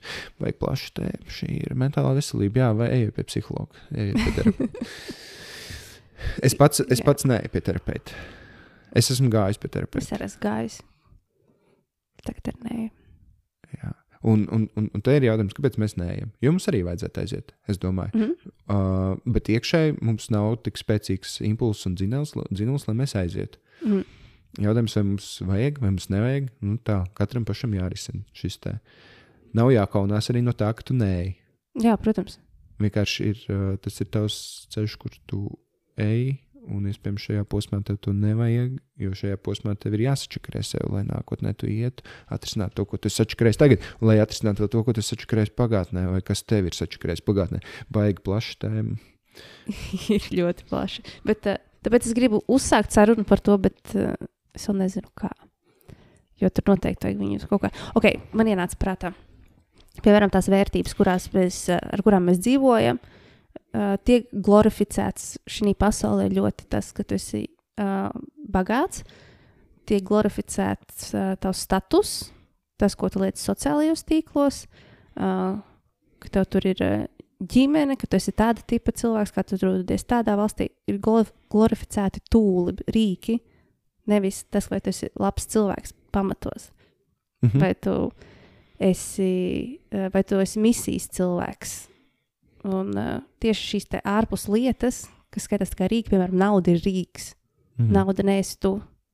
Bet tas tiek glorificēts, arī smags darbs tiek glorificēts. Lai kā mēs to negribētu atzīt, bet cilvēki, kas smagi strādā, viņiem viss saka, oh, malacīts, malacīts, tu forši strādā, oh, jā, vai cool, cool. Mm -hmm. Lai gan tā dienas beigās ļoti smags darbs novada pie ļoti daudz slimībām. Mm -hmm. Example one. Mm -hmm. It's me. Nu, zini, šit, šis, šis būs tāds sāpīgs, varbūt, temats. Tad īpat laikā varbūt arī atvieglojošs. Bet um, Es pirms uh, kaut kādiem dažiem gadiem redzēju brīnišķīgu video par uh, to, kā uh, gepards ķer antilopi. Mm. Un, uh, nu tā, no pirmā acu uzmetiena kā, nu, tur skaidrs, kurš uzvarēs. Mm. Bet šai dabai ir viens āķis. Viņa gepardu ir uzbūvējusi tā, ka um, gepards sasniedzot tos teju 100 km/h, viņam uh, deguns ir izveidots tā, ka mm, gaisa nepārāk labi piekļūst smadzenēm klāt. Un pie liela ātruma loģiski ķermenis nu, notiek bērze, un kas tur vēl fizikā notiek, un viņa ķermenis karst. Viņš to lielu ātrumu var sasniegt, kas ir pa kaut kādiem 30 km ātrāk nekā tur antilopē vai 40 km. Neceros, cik tur antilops skrēja ātri bet viņš viņu var noturēt tikai uz dažām sekundēm. Ja viņš skries pārāk ilgi, viņam nedzēsēsies smadzenes un vienkārši viņas pārkarsīs, un viņš parūpīsies, kas var būt bīstami viņa dzīvībai. Gepards to kaut kādā veidā zina, jo tas viņam, daba viņam jau šo mm. informāciju ir ielikusi. Tāpēc gepardam ir labs laiks jāvelta tam, lai tai antilopei tiktu pēc iespējas tuvāk. Jo mm. viņš zina, ka viņam ir pārāk īsts laiks, lai viņu ķertu lielu distanci. Mm. Tāpēc arī viņi lavās klāt. Antilope savukārt skrien, kā jau teicu, 30, 40 km lēnāk nekā gepards. Bet viņa daba ir izveidojusi tā, ka viņai ir ļoti laba dzēsas sistēma. Viņa var, skri, viņa var ilgi skriet. Un tad, kad notiek šī cīņa starp šiem abiem lielumiem, tad antilopes uzdevums ir vienkārši pēc iespējas ilgāk izvairīties no geparda. Mm -hmm. uh, un, un te arī tas lielais jautājums, nu, skaidrs, ka gepards viņu grib apēst. Un, bet gepards grib izdzīvot, mm -hmm. un antilope grib izdzīvot. Un kā lai tu izlemj, kurš no šiem ir labais? Kā lai karalī lauvā tu izlemj, kurš ir labais? Nu, tā kā simba vai, vai, vai simba ēd zebras, nolāpīts. bet par ko ir stāsts? Mm, par, par šiem lielumiem un šo cīņu starp uh, lielumiem. Daba ir izveidojusi tā, ka viss ir balansā. Yeah. Gepards liekas ar pirmā acu uzmetienu, ka viņš ir krietni spēcīgāks nekā antilope, bet antilope var no viņa aizbēgt. Daba ir izkārtojusi tā, lai tas varētu notikt, un ir līdzsvars starp šiem abiem, abiem lielumiem. Lūk. Un, ja mēs tā paskatīsimies apkārt uz citiem piemēriem, gan, gan dabā, kur ir plēsējs un, un medījums, gan uz kaut ko citu, visu laiku ir līdzsvars, ir harmonija ir jābūt harmonijai starp visām šīm lietām. Jo izdzīvot grib gan tumsa, gan gaisma, un mm. tad notiek spēle starp šīm abiem, abiem diviem lielumiem. Un mēs, protams, gribam, ja? Mēs gribam, lai šajā pasaulē ir krietni vairāk gaismas. Jo tad būtu labi. Cilvēki mm. nedarītu viens otram pāri, mēs Jā. varētu darīt labas lietas, attīstīties, bet arī tumsa grib izdzīvot. Mm. Arī, arī, arī Krievs ar ieroci rokā grib izdzīvot. Mm. Kāpēc viņš cīnās, viņš nezina. Un uh, bieži vien mēs arī nezinām, vai mēs cīnāmies gaismas dēļ vai tumsas dēļ. Tas katram pašam jāatbild uz šo jautājumu. Bet, ja šī pasaule un ja viss, ko mēs pieredzam, ir ar, mm, ir ar pamatu nosacījumu, ka visam ir jābūt harmonijā un balansā, tas nozīmē, ka mēs nevaram izbēgt no tā, ka visu laiku būs tumsa, un nevaram izbēgt no tā, ka visu laiku būs gaisma, un ka šīs lielās abas enerģijas un lielums savā starpā berzīsies. Ļoti bet, skaisti. Un skumji. Un skumji, bet skaisti paskaidrots. Tas ir skumji, ka mēs nekad neredzēsim pasauli, kur, um, kur viss ir čili. nu, tas ir atgriežamies pie tā, ka uh, mēs esam šeit, lai caur konfliktu augtu. Jā, vēl viens, nu, mēs nezinām, kas kā notiek, bet ja mēs pieļaujam, ka ir vēl miljoniem planētu, kur notiek procesi, mm. un mēs esam, nu, mēs esam uz kaut kādas planētas, kur uh, mēs esam tā, pie tā balansa, pie tā lielā ieņu un jāņu tās mm. uh, robežas pa vidu tur, kur mums ir jācīnās par to, vai nu lai šī planēta nonāk pilnīgā tumsā vai pilnīgā gaismā. Mm jo visums izplatās, un līdz ar to arī lielā melnā, gaišā puse izplatās. Tas nozīmē, ka vienā brīdī šī, šai planētai ir jānonāk vienā vai otrā pusē dabiski. Mm. Vienkārši jautājums ir, um, kā mēs, kā mēs to izdarīsim, jo visums ir balansā. Jā. Nu tā, tā kā iespējams mēs cīnāmies par to, lai šī planēta būtu totālā gaismā. Mm. Un, kad tas būs panākts, mēs dosimies uz nākamo. Bet, uh, bet arī tumsa grib izdzīvot. Tāpēc arī tumsa cīnās par to, lai šī planēta būtu tumsā. Vai šis varētu būt paskaidrojums tam, kāpēc tik daudz cilvēki tagad uh, kļūst vairāk ezotēriskāki un tiešām cīnās par šo gaismu? Jo kādreiz es to tik ļoti nejūtu. Un bija tikai kaut kādi trakie, ezotēriķi. Un tagad, mm -hmm. katrs pilnīgi normāli cilvēki. Daudz cilvēki cīnās par gaismu un kļūst apzinātāki un gaišāki un apzināti iet uz šo pusi. Vai, jo vairāk cilvēku kļūst, un, protams, arī vairāk tie kļūst, un vairāk līdzsvars. Es uh, lasīju tādu grāmatu, The Celestine Prophecy, viena no labākajām grāmatām. Celestīnas pravietojums latviešu ir. Un es iesaku, jebkuram izlasīt, un tur ir par to, ka šis milēnijums ir uzrakstīts 80. gados. Un kad mm -hmm. šis milēnijums ir, kad cilvēki mostās, un kad tagad tiešām sākas tā cīņa par enerģiju un par to gaišumu, lai mēs nokļūstam augstākā frekvencē. Mm -hmm. Jo pirms tam mums bija par attīstību, par rūpniecību, par visu tām ciešanām, un tagad mēs ejam tajā nākamajā līmenī. Un arī visi šie cilvēki, kas ir astrologi un uh, kas pareģo nākotnē, runā, ka mēs tagad pārējām bez mazliet tuvojamies nākamajai dimensijai, un mēs ejam augstāk. Mm -hmm. Gribi to vai negribi. Jā, nu, process, uh, um, kā Imants Ziedonis rakstīja, viss notiek tik un tā. tā kā neatkarīgi no tā, tu tur ņemies, tur neņemies, viss notiks tā, kā tam ir jānotiek. Un, uh, nu, tu redzi cilvēkus, kas, kas, kas par šīm tēmām runā un redz tos, tos gaismas cilvēkus, jo gaisma loģiski vāc sev cīnītājus. Mm. Un arī Tums vāc sev cīnītājus. Jā, noteikti. Un, uh, un, un... Protams, es, pilnīgi, es redzu filmu priekšā. Jā. Jā, jā. Un tāpēc tik ļoti izteikts konflikts ir šobrīd. Mēs esam diezgan pretējās nometnēs, kad nu, palast cilvēku viedokļus. Kaut vai par vakcināciju, vai par covid, vai par karu, vai par visām šīm nacionalitātēm. Un tagad Irānā, kad sievietes cīnās par savu vietu. Mm -hmm. Un, un uh, ir ļoti izteikti, ka nostājas katrs savā pusē. Mm -hmm. Kāpēc mm, sievietes apspiestas? Tāpēc, ka viņas ir cool. Tas ir viens no raksturlielumiem. tāpēc, ka viņas ir awesome. Un, uh, tāpēc, ka mēs esam radītājs un mums ir liela enerģija šī mīlestības radīšanas. Man tas šķiet. Sie sievietes ir mm, krietni spēcīgākas nekā vīrieši. Man ir teorija, kad, kas par to stipro dzimumu, kad visi tur saka, jā, bet vīrieši ir fiziski spēcīgāki. Mm -hmm. Kad vīrieši ir spēcīgais dzimums, bet sievietes ir stiprais dzimums. Jā, tad ir dažādi spēki. Mm -hmm. Un uh, tu vari. Tas ir forši, ka vīrietis to saka. tas, mēkos, tas arī ir racionāli, mēko sens. Nu kā? Fizisko spēku ir krietni vieglāk iemācīties nekā to emocionālo, mm. garīgo. Jo fiziskais spēks ir aptaustāms un, un jūtams, un, un fizioloģiski vīrietis ir stiprāks. Uh, mm. Protams, ir, es, ne, ir sportists, kas ir krietni stiprāks nekā es jebkad būšu. Bet, uh, Bet, ja trenētos tikpat, cik viņi tu būtu stiprāks. Jā, jā tieši tā, tāpēc, ka daba vienkārši tāda mm -hmm. ir. Um, un, un, un, bet sieviete ar nevelti saka, ka katrs karš ir sācies sievietes dēļ. tā ir. Um, nu, nu, Trojas Helēna, labi, Trojas karš ir leģenda un tā, who knows. Uh, bet, nu, Trojas Helēna, uh, skaidrs, ka tur džekiem bija savas intereses arī tur iekarot vienam otru, bet pasties, ko nu, kā, atrast sievieti par iemeslu un uh, kā sieviete spēja džeku savaldzināt, lai, lai, lai, lai izraisītu šādu konfliktu. Viņi varēja arī to nedarīt. Vai sieviete apzinās to spēku, tas ir cits jautājums.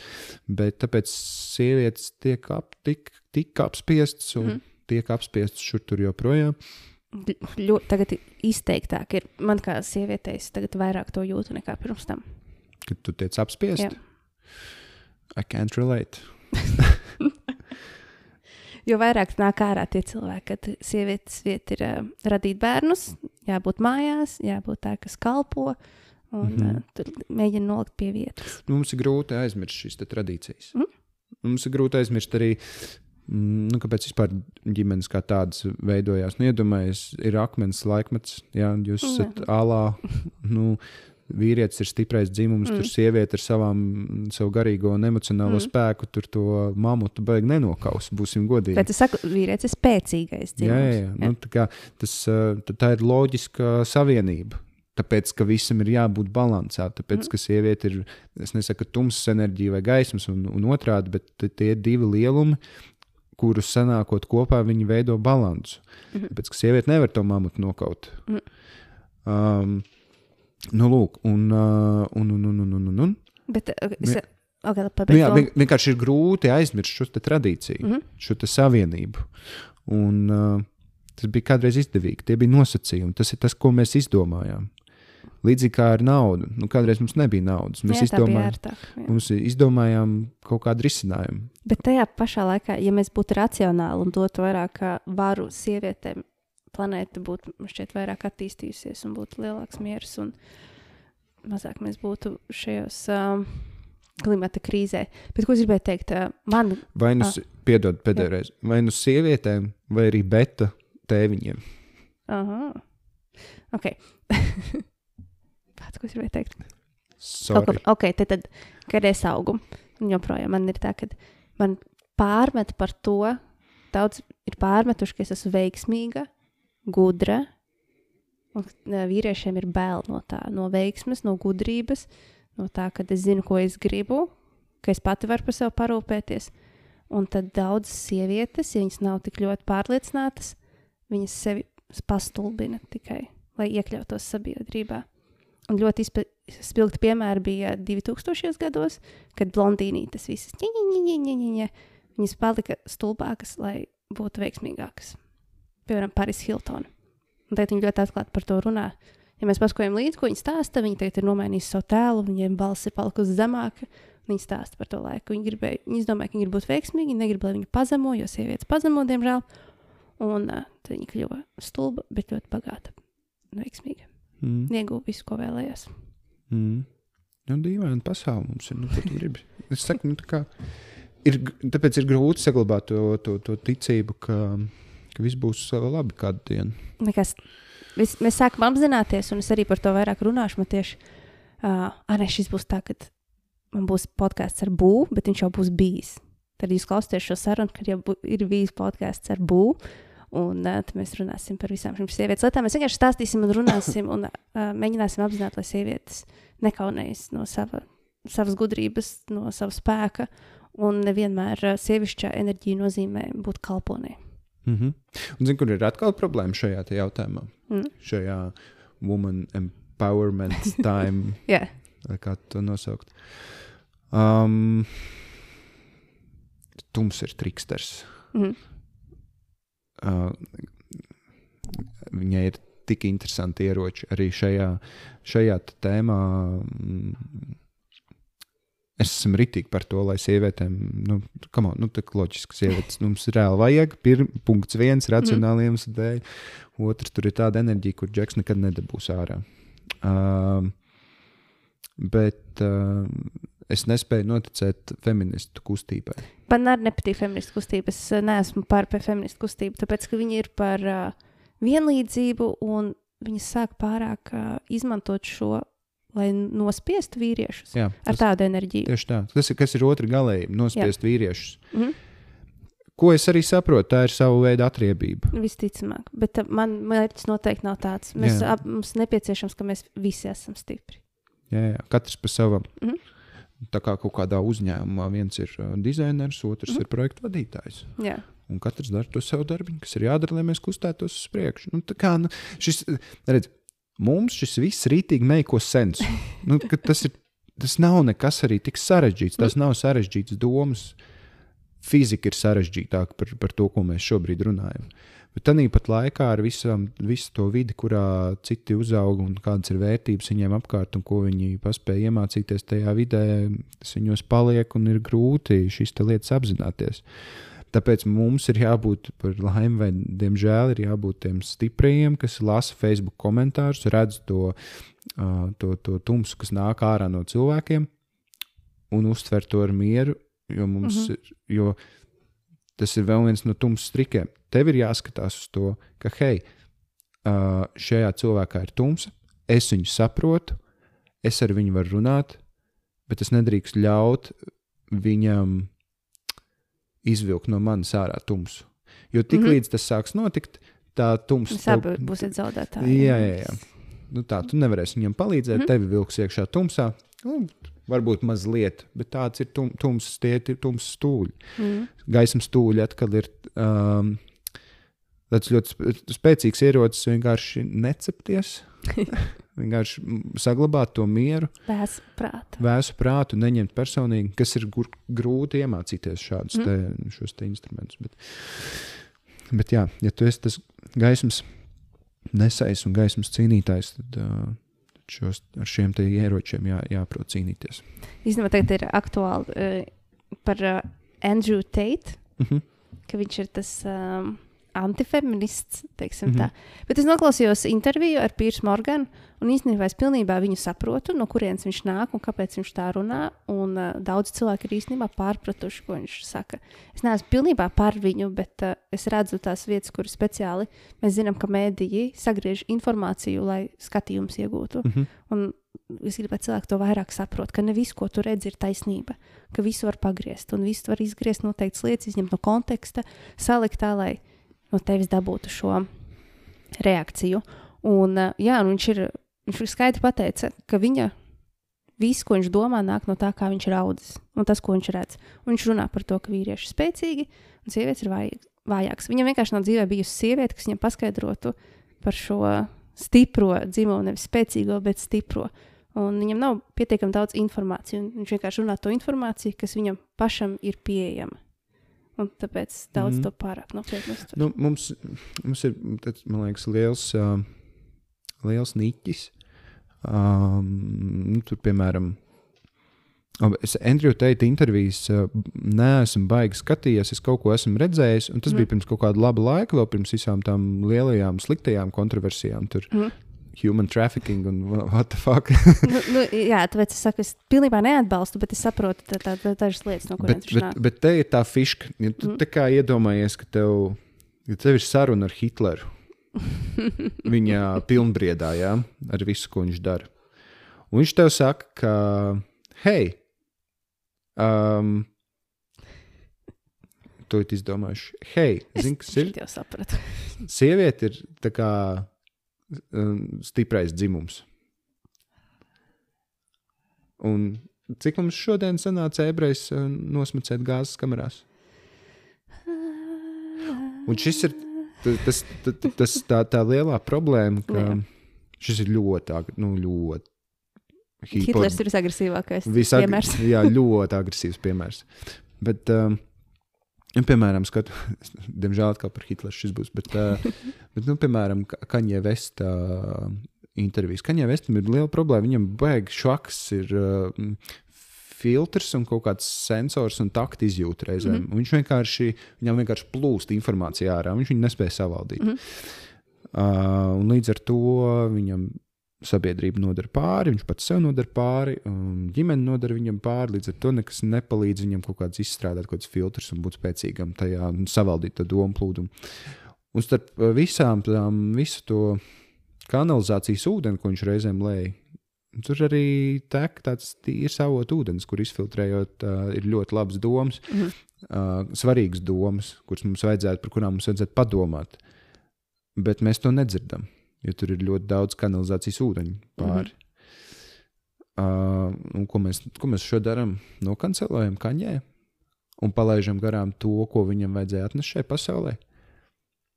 Vai, vai, mums, vai mums ir jāpadomā par to, ko viņš teica? We should stop and Nazis all the time.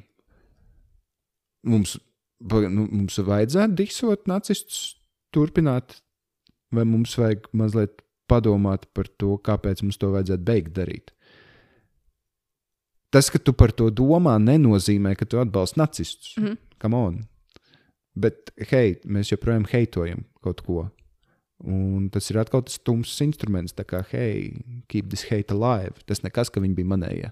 Mm -hmm. Keep this hate alive, jo tā es dabūšu tevi. Mums ir karš. Pirms kaut kādiem dažiem mēnešiem um, Uh, bija viena sieviete, uh, krievu sieviete, kas dzīvoja Vācijā, man liekas, Jā, Vācijā. Un viņu uz ielas um, uzbruka ar vārdiem, uzbruka Ukrāņu bēglēm. Uh, briesmīgi. Mm -hmm. Tanīpat laikā mēs arī tik ceram, ka viņus savāks un ieliks cietumā. Vājš, šis ir vājš piemērs. Pateikšu labāku. Um, Ukrainā mirst cilvēki.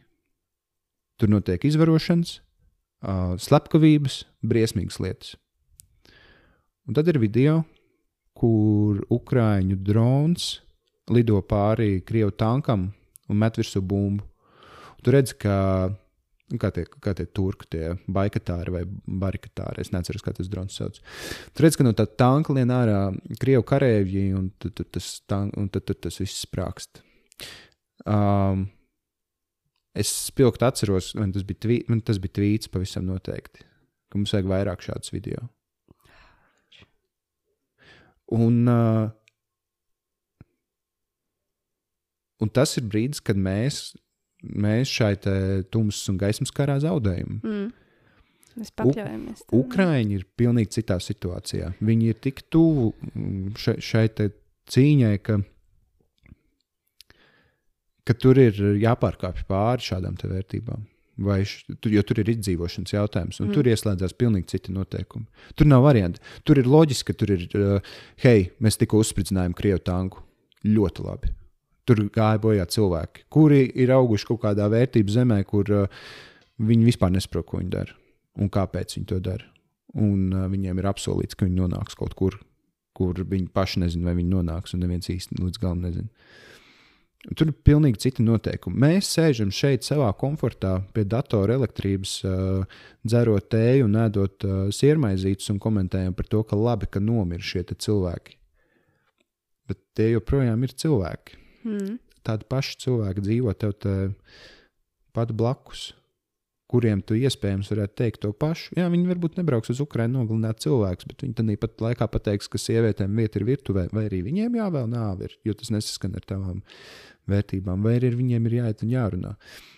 Mm, labi, ar krievu karavīriem tankā tu neies runāt. Ir jāsaprot arī, nu, ka ir kaut kādas tās racionālās robežas.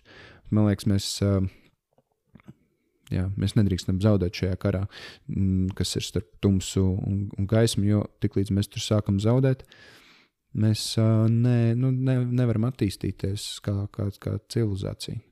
Un mēs to šobrīd runājam Eiropā, Latvijā, Mm, es vakar skatījos video, kur bija kompilācija no tā, kas visā pasaulē noticis visu gadu mm, laikā. Gadu laikā. Jā, Voksā?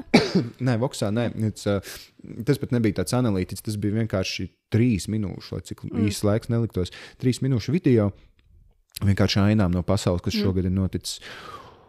Un, un tu redzi, cik tā pasaule ir uh, raiba. Mm. Uh, bija arī labas lietas. Jā, jā, bija, okay. bija jā, jā, nu, raiba savā labajos notikumos, bet tas, ko tu redzi, ka tā pasaule ir raiba tajās vērtībās un tajā, kādas ir dažādas kultūras mums visapkārt, un katrai kultūrai ir tās savas vērtības, un tas viss ir sanācis kopā, un tagad mums ir visiem kopā kaut kā šis te jāvirza. Un mēs dzīvojam vietā, kur ir supermierīgi, mm -hmm. kur mēs, mēs varam runāt vispār par tādu lietu, kā uh, sieviešu. Mēs jebko varam runāt. Tieši tā. Un arī nosacīt tādā laikā, jo mēs tikpat, lai, tikpat daudz, cik mēs varam runāt par kaut kādām lietām, mēs arī nevaram runāt. Jo, ja es ierakstīšu Twitterī par to, ka Heizings ir, uh, es gribu, lai Ukraiņa uzvar, bet tas drona tie video, kur nogalina Krievus, man liekas, ka tas arī ir kaut kā stulbi, mm. mēs kaut ko zaudējam tajā brīdī. Tur ir potenciāls kancels. Mm. Un kancela kultūra nestrādā tā, kā mēs esam izdomājuši, ka viņi strādā. Pirms kaut kāda laika bija um, par vienu džeku, nesauksim viņu vārdā, kuram uh, tas bija pirms kaut kādiem diviem gadiem, kur viņš iekaustīja savus draugus. Fiziski, fiziski iekaustīja. Viņš tā kā tāds daudz maz tā zināms mm -hmm. personāžs, un tur bija vēl pirms pāris gadiem ar kaut kādas situācijas. Mm.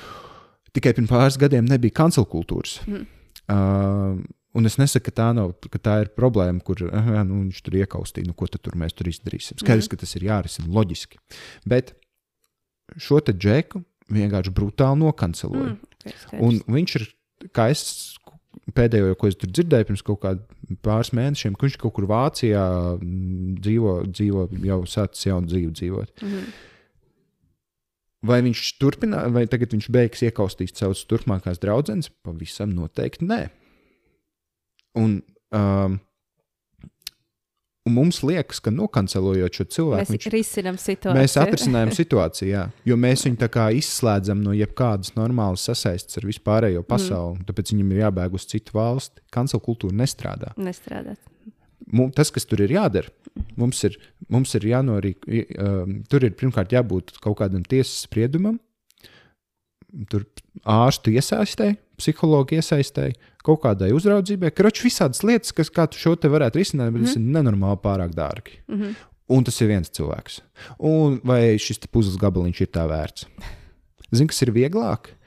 Ja, mē, ja, ja šo, lai cik arī uh, šis ne- neskanētu skarbi, bet lai šo te atrisinātu vieglāk, ņemot vērā visas vērtības, kas mums ir, uh, tur nauda, laiks un tam līdzīgi, un vai šo vispār ir vērts darīt, lai šo problēmu izslēgtu no sabiedrības, tur būtu jābūt nāves sodam. Bet to mēs atkal Kā nevaram kādreiz, ne? Bet to mēs atkal nevaram pieļaut. Tas ir tik dumi. Tas ir stulbi. Bet tāpēc mēs viņu nokancelējam. Mums liekas, ka problēma ir atrisināta. Mm -hmm. Un, ja mums Tas liekas, ka ir atrisināta, Zem paklāja palikt. ā, tieši tā, tas ir pastumts zem paklāja. Lietas, jā. Tāpēc, ka šo te paklāju tagad tīrīt tieši šo te pleķīti, vai ir jēga vispār? Mm. Varbūt vienkārši jāizgriež ārā tas pleķis. To mēs nevaram sačakarēt paklājā. Atkal stulbi. Es negribu būt tas, kurš sačakarē plakātu paklāju. Es negribu būt tas, kurš piespried nāves sodu šim cilvēkam, mm. Mhm. ja mēs negribējām tērēt resursus, lai viņam palīdzētu. Un tā. Un, un par šo te ideju arī var nokancelot. Bet par to domā daudzi un, ne, un baidās to teikt. Un šī ir problēma, ka mēs baidamies runāt par lielām tēmām, Jo Belka nokancelēs. jo bail, ka nokancelēs. Bet Latvijā pēkšņi maz man šķiet strādā cancel kultūra. Varbūt uz mirkli, ja tu tam padodies, bet tā īsti es, es to nejūtu. Jo ir cilvēki, kuriem ir mēģināti kancelēt, Kavičs kaut vai. Viņš visu Mhm. laiku kancelē, bet viņš tāpat iet un dara. Tas, ja tu laikam tam paļaujies, tad tas tiks nokancelēts. Arī jautājums, kādas sūdzes tu savā es Jā. domāju. Tur arī ir, nu, piemēram, tur Kambala Olga nosauc dobeli par čūhņu. Un, nu, tā ir situācija, no kuras nu, visiem bija pofīgi jau pēc diviem mēnešiem. Nu, Man- jau ne jau pēc diviem ātrāk. Nu- tas šķiet notika pirms mēneša. nu, jā, nu, tas, tas, ir- tas nav nekas tāds. Jā. Ja tur uh, Bet tam cilvēks tā sarunājas. Nu, savā starpā daudz trakākas lietas cilvēks savā starpā runā. mm, Tagad iet kancelēt par šo. Okay, labi. jā, nu, jā, jā, jā. Nu, kā, uh, nu, tur bija. Nu, arī, nu, tā kā, kā mēs šo te risinām? Hei, nu, vai dobeli jāsauc par čūhņu? Nē. Bet vai tāpēc mums ir jāpazemo šī sieviete par viņas, nezinu, vai nu neveiksmīgo vārdu izvēli, vai kaut vai, kaut vai, tik, kaut vai tā ir pat, pats pēdējais punkts. Viņa vienkārši nerūpīja, ka tā nav. Mm. Viņa tiešām tā domā. Vai mums tiešām par šo viņa ir jākancelo? Vai ir vienkārši, hei, Olga, zini, kas ir dobela, nav čūhņa. Uzdāvinam viņai ceļojumu uz dobeli, nezinu, Nu, palikt par nakti apskatīt.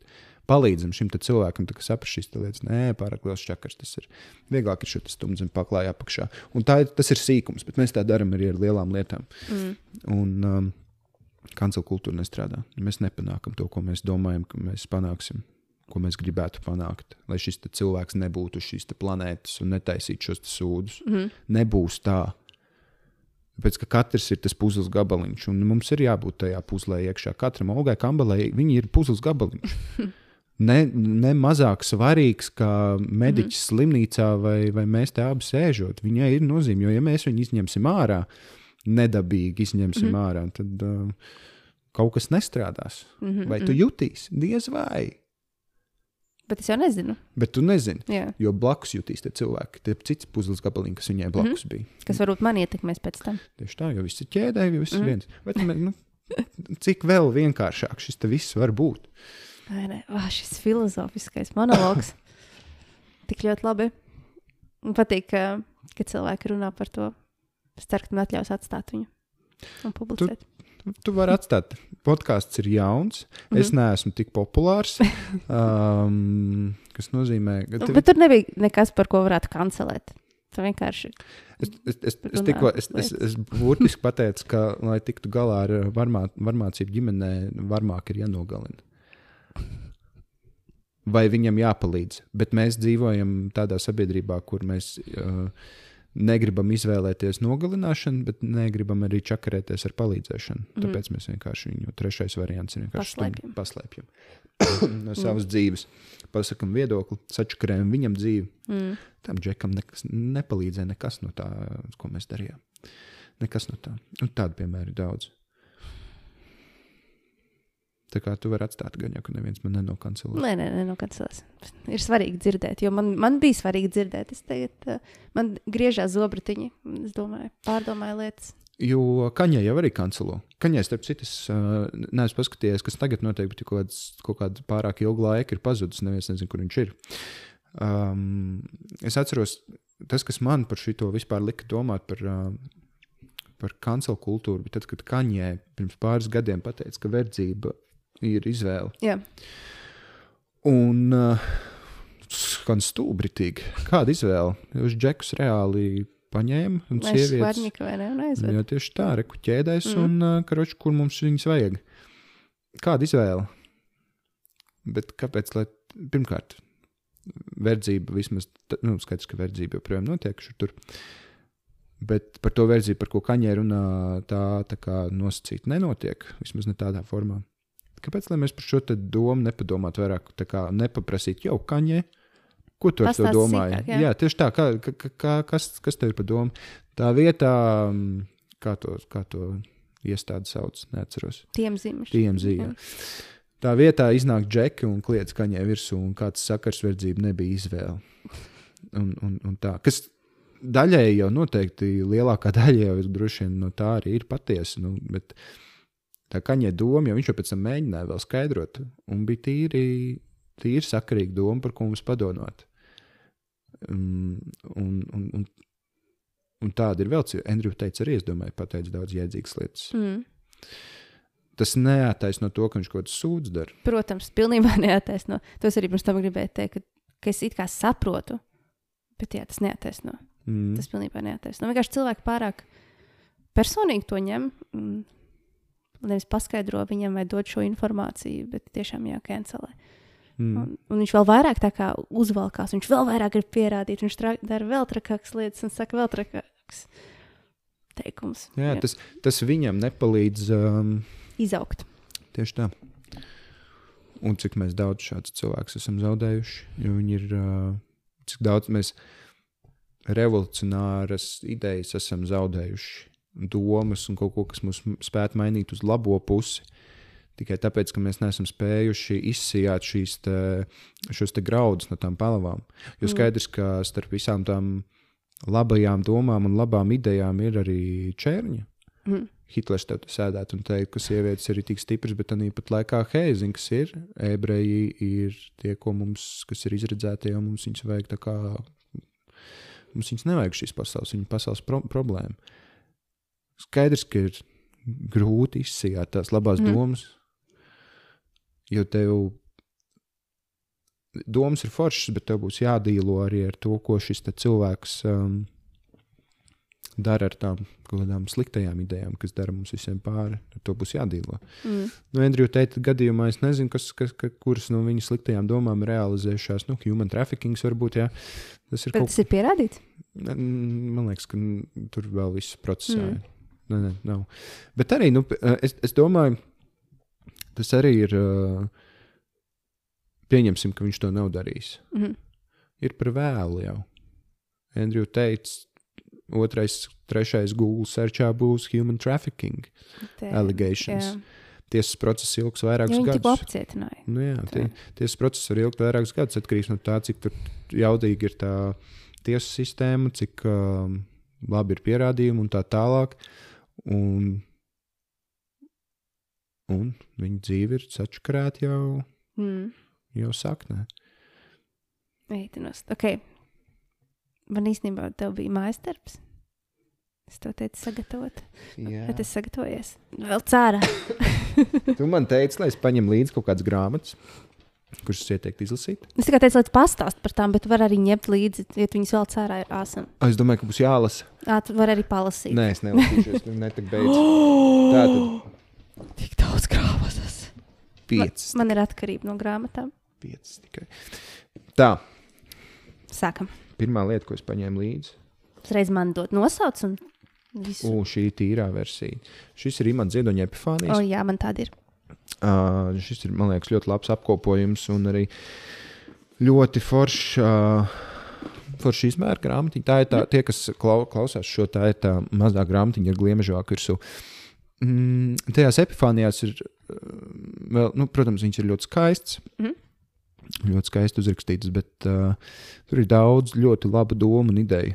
Uh, gan par dzīvi, gan, gan attiecībām, gan mīlestību, gan un ko tik vēl nē.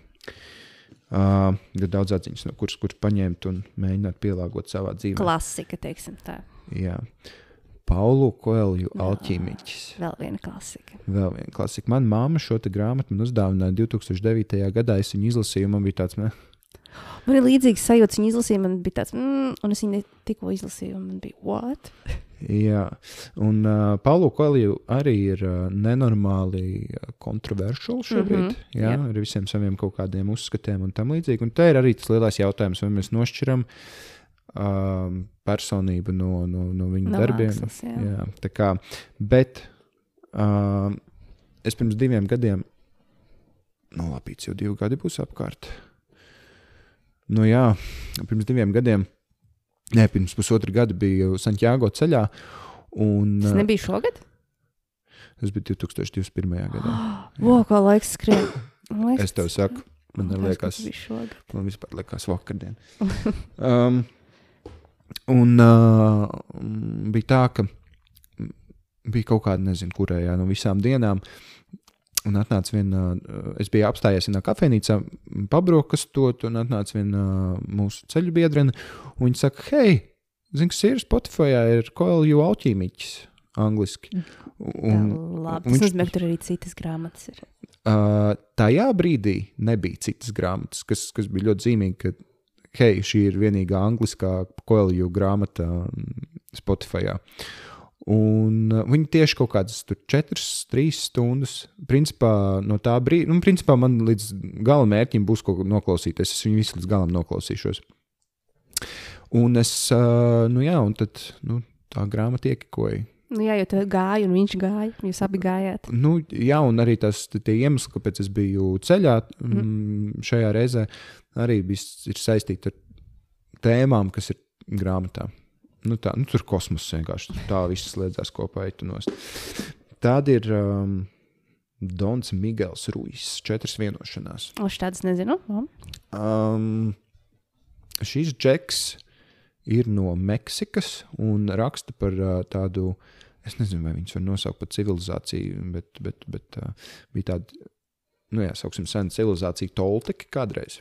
Mhm.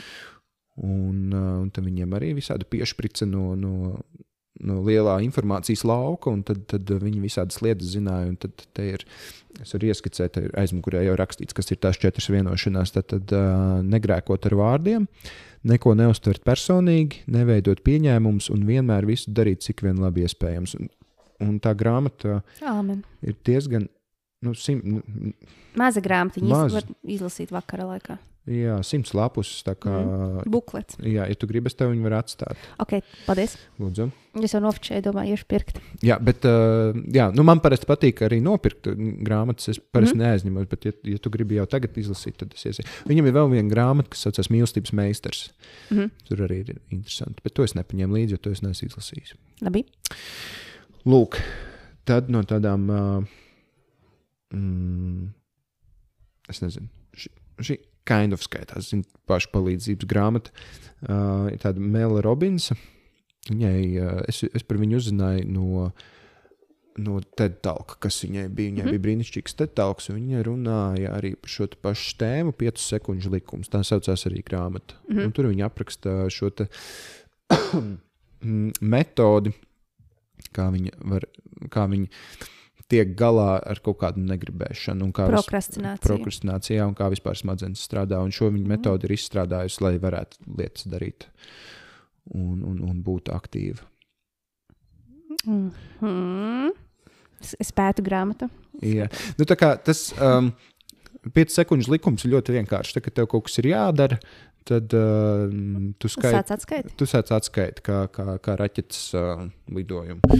Uh, Tu nezini, raķeite tūlīt pacelsies, tu sāc atskaiti. Nu, un, jā, un tad, un tad tev smadzenēs notiek kaut kāds process, ka tev tūlīt ir jāsāk kaut kas darīt, tu tiec līdz tai nulē, un tu piecelies un dari.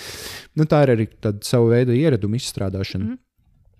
Lai tas tā arī strādātu, bet nu, tajā grāmatā tur ir padziļināta par to, kā, kā to metodi vislabāk izmantot. Bet, uh, kas man šajās pašpalīdzības vai psiholoģijas grāmatās, uh, kā es viņus patērēju, ir noķert to galveno domu un kaut kādas dažas metodas un vienkārši likt iekšā praksē. Un, mm. Tā kā tev, es to grāmatu varu pat neizlasīt līdz mm. galam. Um, ir kaut kādas, nezinu, tur. Kur, Četras vienošanās, kur tev arī ir tā, ka, hei, šīs ir tās četras vienošanās. Mm. Tu jau pēc tā nosaukuma saproti, ko, bet nu, tur padziļinātāk vienkārši izstāstīts, kāpēc un ko tas dod un tā tālāk. Un šī ir grāmata, ko es nopirku nesen. Tā Jūra Rubeņa starp divām bezgalībām. Juris Rubens ir mācītājs. Mm -hmm. Man liekas, vai, vai viņš joprojām ir mācītājs, tas ir labs jautājums. Un šī grāmata ir par garīgajām praksēm. Okay. Kāds viņš ir katoļu, luterāņu? Samelošies, teikšu. Okay.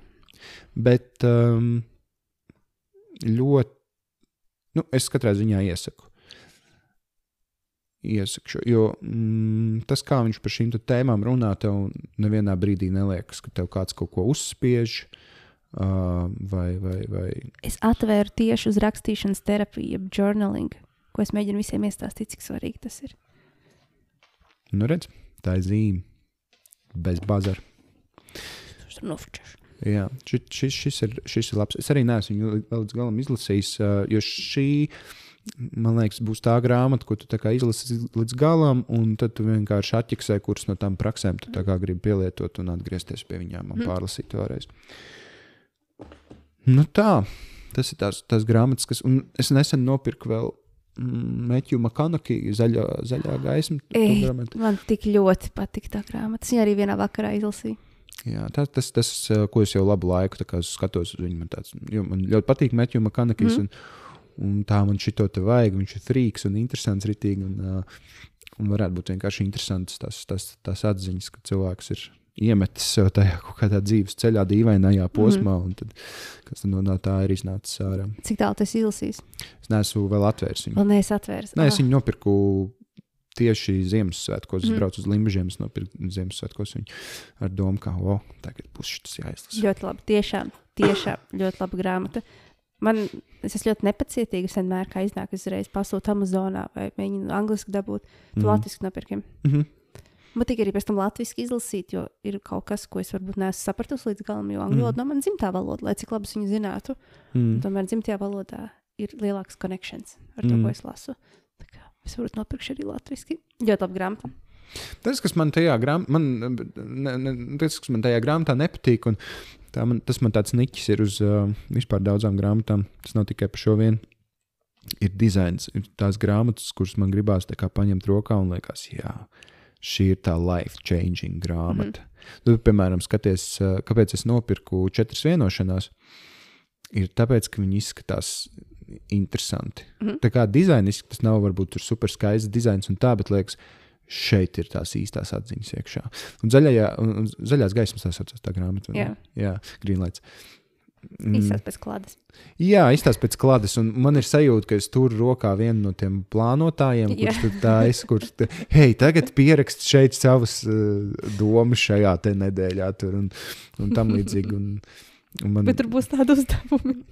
Ja tur būs uzdevumi, jā. Tur kaut kāda uzdevuma, bet tur, tur nebūs brīva vieta, kur rakstīt. Tur atsevišķi nopirkt grāmatu, kur var rakstīt. Mm. Nu, kā, tas tie, tie, tie, tie dizaini man baigi uzrunā. Piemēram, nu, Jūra Rubeņa grāmatai arī nu, kā, nu, kas tas par dizainu ir. Šeit ir jābūt tādiem cietiem, brūniem vākiem, tādiem izgriezumiem, jā, tādiem jā, izgrabumiem. Izgrabumiem, jā, un starp divām bezgalībām jūras rūbens. Un tā, un tad tu ņem. Viena puse balta, viena melna. Jā, tas droši vien ir itīgi neizdevīgi tāds grāmatas taisīt finansiāli. Latviski tīpaši. Jā, bet uh, Karina Račko gan jau tāds ir taisīt. Nē, esmu tāva. Tur tāds izgrabums. Es neesmu lasījis Karinas Račko grāmatas, bet man sievās. Un vecāmam. Daļai literatūra tā ir. Mm, jā, tie ir erotiski. ero- Tu nezini, ka arī Račko? Ah, tā sieviete. Jā, Okay. Ja daudz grāmatas ir, kad piecas. uh, priekš Latvijas ļoti labi. Viņa ļoti labi iet. Man ir baigais prieks par viņu. Viņai izdodas. Viņa ir drosmīga. Viņa ir sakarīgs cilvēks, Mhm. gaišs cilvēks. Un arī nebaidās runāt par tēmām. Un, jā, un raksta. Krūti. Krūta. Riti Varbūt jāizlasa. If that turns you on. Kas dīvaini šādi teikt, jo tie ir erotiski. Bet, uh, Man vispār daļa literatūra neīpaši. Man Grūti. Jā, man arī grūti ir. Man ir grūti ar daļu literatūru un ar pašpalīdzības grāmatām, kas ir uzrakstītas kā, kā stāsti. Es izlasīju mūku, kurš pārdeva savu Ferrari, Kā man nepatīk tā grāmata. un, uh, un man bija ļoti grūti viņu lasīt. Un es pēc tam skatījos citas šādas grāmatas, un es sapratu to principu, uh, ka hei, šis ir uzrakstīts kā stāstījums, kur pārsvarā divi džeki satiekās, vai nu, divi tēli. Mm. -hmm. Nezinu, vai tur ir meitenes ar kaut kur. Uh, un viņi runā par šīm tēmām. Nu, tur no stāsta nekā nav. Vienkārši šo visu varēja uzrakstīt ar. Nezinu, hei, radošā vizualizācija. Vai Viņam zini, jaunākā grāmata ir tāda. The, Pagaidām, latviešu, lai nezināšu latviešu, bet ir latviešu The Everyday Hero Manifesto. Mm Mhm. -hmm. Viņam vienkārši katra nodaļa par savu tēmu, mm -hmm. par Mm. kaut kādām savām tām atziņām. Ļoti laba grāmata. 5AM Club bija arī stāsts, bija grūti lasīt, bet daudz labas atziņas, bet mūks es neizlasīju. Un zinu, kur grāmatas izsvied ārā. Mm. Tas nebija tā, ka es ne, nesviežu grāmatas tā mm Mhm. -hmm. ārā, vai ne tā, ka es tur, o, oh, tagad jāizsviež grāmatas. Es biju nopircis pirms Santiago ceļa, um, kā to mūku sauc. Džešeti? Man liekas, ka jā, viņam bija grāmata. Domā, kā mūks? Domā, kā mūks. Mm, Džešeti. Jā, nu, lūk, nu, es biju tādā, tajā dzīves posmā, mm, kad, hei, I need help. Nē, viņi ir jauniem cilvēkiem, viņi nav mums. Nu, jā, nu, krač, bija tā, nu, krač, es, es viņu nopirku, jo es par viņu biju vispār dzirdējis daudz, mm. daudz ko labu. Un, un tam man likās, nu, jā, nu, nu labi, nu, tā kā jāpaņem. Un, un es viņu paņēmu uz, šī baigas, baigas svētīga atziņa priekš manis bija. Es viņu paņēmu uz Santiago līdzi. Viņi ir lieli pie tā. Viņi ir lieli, jā, bet hei, informācija. Tur tā kā tur vajadzēs būt tā kā visam, kam vajag būt. Un es, man bija tā līdzi, un epifānijas. Epifānijas man katra ceļa bijušas līdzi, jo, nu, paskatieties, tur, tur nekā nav. Mm. Pēc, nu, pēc cepures neskatījā, Mhm. pēc vāka. Um, nu, lūk, un ir pirmā diena, un, un es kāpju Pirenejos. Un tad, kad tu kāpi Pirenejos, nu, vai vispār kalnos kā tādos, Mm -hmm. Uh, tu pēc nu, tur stunda, divas, un tu sāc just katru gramu, kas tev mugursomā ir. Mm -hmm. To jūt gan tavs kājas, gan mugura, gan, gan tavu dvēseli arī. Un, um, nu, lūk, un es. Uh, Un tu esi kalnos, un tu nevari neko vairāk izdarīt. Tev tā soma ir jā, jā, jāiznes līdz galam. Un es nokļuvu galpunktā, knapi dzīves. Un es saprotu, ka man ir jāpārkrāmē tagad viss. Jāsaprot, kas man ir jāatstāj, jo ir pārāk smagi. It kā pēc, uh, pēc visiem likumiem viss bija pareizi. Man bija nu, tāda soma, ko mans ķermenis drīkst nest, bet bija pat traki. Um, nu jā, un tad es tur kaut kādas tur drēbes, kuras nevajadzēja, tur kaut, kaut ko, kaut ko vēl. Un uh, tad es skatos uz to grāmatu, kuras jau bija iesācis lasīt dažas dienas pirms ceļa. Man bija tāds, nu, tā kā š- nav vispār tā, kā, nu, tu šķir lapus. tur Vienkārši tev nav ne interesanti, neko tu jaunu neuzzini. Tā. Un es saprotu, ka man tā grāmata ir jāatstāj. jo Viņa ir smaga, un otrs, es no viņas neko neiegūstu. Un uh, tad es sapratu, ja nu tev šāda te, šādas te grāmatas tev sen jau vairs nav vajadzīgas. Mm Mm -hmm. Jo tu to visu zini, Mm -hmm. un, un tas, ko es minēju jau iepriekš, tev problēma ir tā, ka vienkārši tev šīs zināšanas ir jāliek lietā. Mm -hmm. Um, un tev šo te nevajag. Un tad man bija tāds, ok, tad es, es viņu atstāju tur uz skāpīšu vai pie atkrituma urnas. Nu, kādam kaut- citam būs. Varbūt jā, kāds atradīs. Latvijas, Spānijā, nezinu, bet. Mm, Bet iedomājies. Jā, nu, tur ir tā, var notikt. Tur notiek lietas, tur tā iespējams arī notikt. Bet, eh, bet jā, tā ir grāmata, kuras eh, vienīgā grāmata, ko esmu izsviedis ārā. To grāmatas iesaku tiem, kuri tikai sāk savu ceļu. Mm, jā, jau. Nu, es, es, es tieši mm, tā es skatījos uz tām grāmatām, kas man plauktā, ir, man uh, stāv arī noslēpums plauktā. Un, Um, um, to es neesmu lasījis. nu, tas ne, nekas jauns. nē, nē, nē, zinu, viņa arī nelasīšu, jo man pišķi nepatīk. Ai, ai, tur tāds PRs ir. Jā, tur baigi labs PRs ir. Es, uh, man mā, arī māmu viņu atveda, man liekas, arī kaut kādā, nezinu, 9. gadā vai kad. Un tā ir grāmata, par ko es runāju, kad runa par dizainu. Mm, nu, viņa smuki izskatās. Nu, viņa izskatās tā, ka tur ir atbildes mhm. iekšā, mm. kas ir uh, ļoti, ļoti labi. Jo tur arī ir. Nu, tā kā nav jau tā, ka tur nav. Bet tik um, virspusēji. Jā, jā, jā. Es neesmu lasījis, bet kāpēc to saka, es nezinu. Nē, nē, viņi ir, viņi ir ļoti virspusēji, bet mm. tā pat laikā nu, es, es viņu izlasīju un pāris gadus vēlāk noskatījos filmu un domāju, nafigam es to grāmatu lasīju, es varēšu to filmu. Ah, es filmu redzēju, tāpēc zinu, kas tur iekšā. Jā, jā, jā nu, tur tieši, tieši tas mm. pats. Tur arī viss tas filmas dizains ir tāds, ka tas mm. grāmatas dizains. Un, uh, bet to es arī, nu, redz, atkal tā problēma ar, nu, cik skarbs tas stūbi neskanāt, ar mūsu sabiedrību. Zinu, kāda mūsu sabiedrība ir problēma. Uh, noslēpums ir nenormāli tāds, tā kā, nu, tā kā tāds pisaks ritīgs. Hei, zini, kā ir, un kā tu vari kļūt bagāts, kā tu vari mainīt savu dzīvi. Uh, ar tādiem saukļiem, kas kaut kādai varbūt analītiski domājošai, racionālai sabiedrības daļai, kas ir Twitterī, nebaidās baust savu viedokli, būs tāds, jo šis ir sūds. Mm -hmm. Jo tas, kā viņi to dara, tas ir sūdīgi. Uh, tā kā radošā vizualizācija, tur kaut kas, tur domu spēks, whatever, nu, kā, nu, tas ir sūds. Un, jo, nu, tas, un tas vēl ir tā pasniegts, ka tas ir life changing. Mm -hmm. Un, uh, nu jā, un tad mums tā problēma ir tāda, ka mēs nonivilējam un nonievājam šādas lietas. Mm -hmm. Kas ir noslēpums, tiešām ir kaut kāds vispār ieskats un ļoti virspusēji tajā visā tēmā, bet mm -hmm. tas ir arī kaut kas no kā atspērties, ja tu par to neko nezini. Kāpēc ne tāpat tās, mm -hmm. kā mhm. tas domā, kā mūks grāmata vai, vai cits? Nu, viņas visas runā par vienu to pašu tēmu, tāpēc ka nu, nevis mēs neizdomājam neko jaunu, bet uh, fizikā arī ir kaut kāda likuma, kas vienkārši šādi tas strādā. Mm -hmm. Un mm, tas nav izdomāts. Vienkārši tā ir. Jā, mums nav tāda skaidra, varbūt par šīm tēmām runājot, nav tāda tā super laba pierādījuma, ka tas strādā. Kā ne ir? Nu, savas pieredzes, kuras es nevaru tev tā kā, hei, manā dzīvē šitā notika, kuras tu vari apgāzt ar argumentiem, ka sagadīšanās okay, skills tava dzīvē. Zinātniski pierādīt nevar. Uh, es domāju, ka zinātniski pierādīt var. Man, jā, man tā liekas. Bet uh, es domāju, tu nevari to pierādīt tā, citiem, citiem cilvēkiem ar savu pieredzi, jo viņiem tas ir jāpieredz pašiem. Nu, tā. mm -hmm. un, uh, un tie, kas nevēlas to piere, pieredzēt, atkal nonievā to, jo viņiem tas liekas muļķīgi un tā. Uh, jo tas arī bieži vien ir pasniegts muļķīgi un tā. Bet arī tas ir apzināti, jo vajag cilvēkus kaut kā arī daudz uzrunāt. Tāda mm -hmm. metode tieši uzrunā. Un, uh, Nu jā, un tad, un, un tad tā nonievāšana notiek, un tad varbūt cilvēkam to vajag notic vairāk tiem, kas nievā un izsmēja mm. mm. šīs tēmas, un tad viņi atkal nenokļūst pie šīs informācijas. Un, un tā. Bet tas ir arī viņa ceļš. Ja tas, mēs ticam The Secret.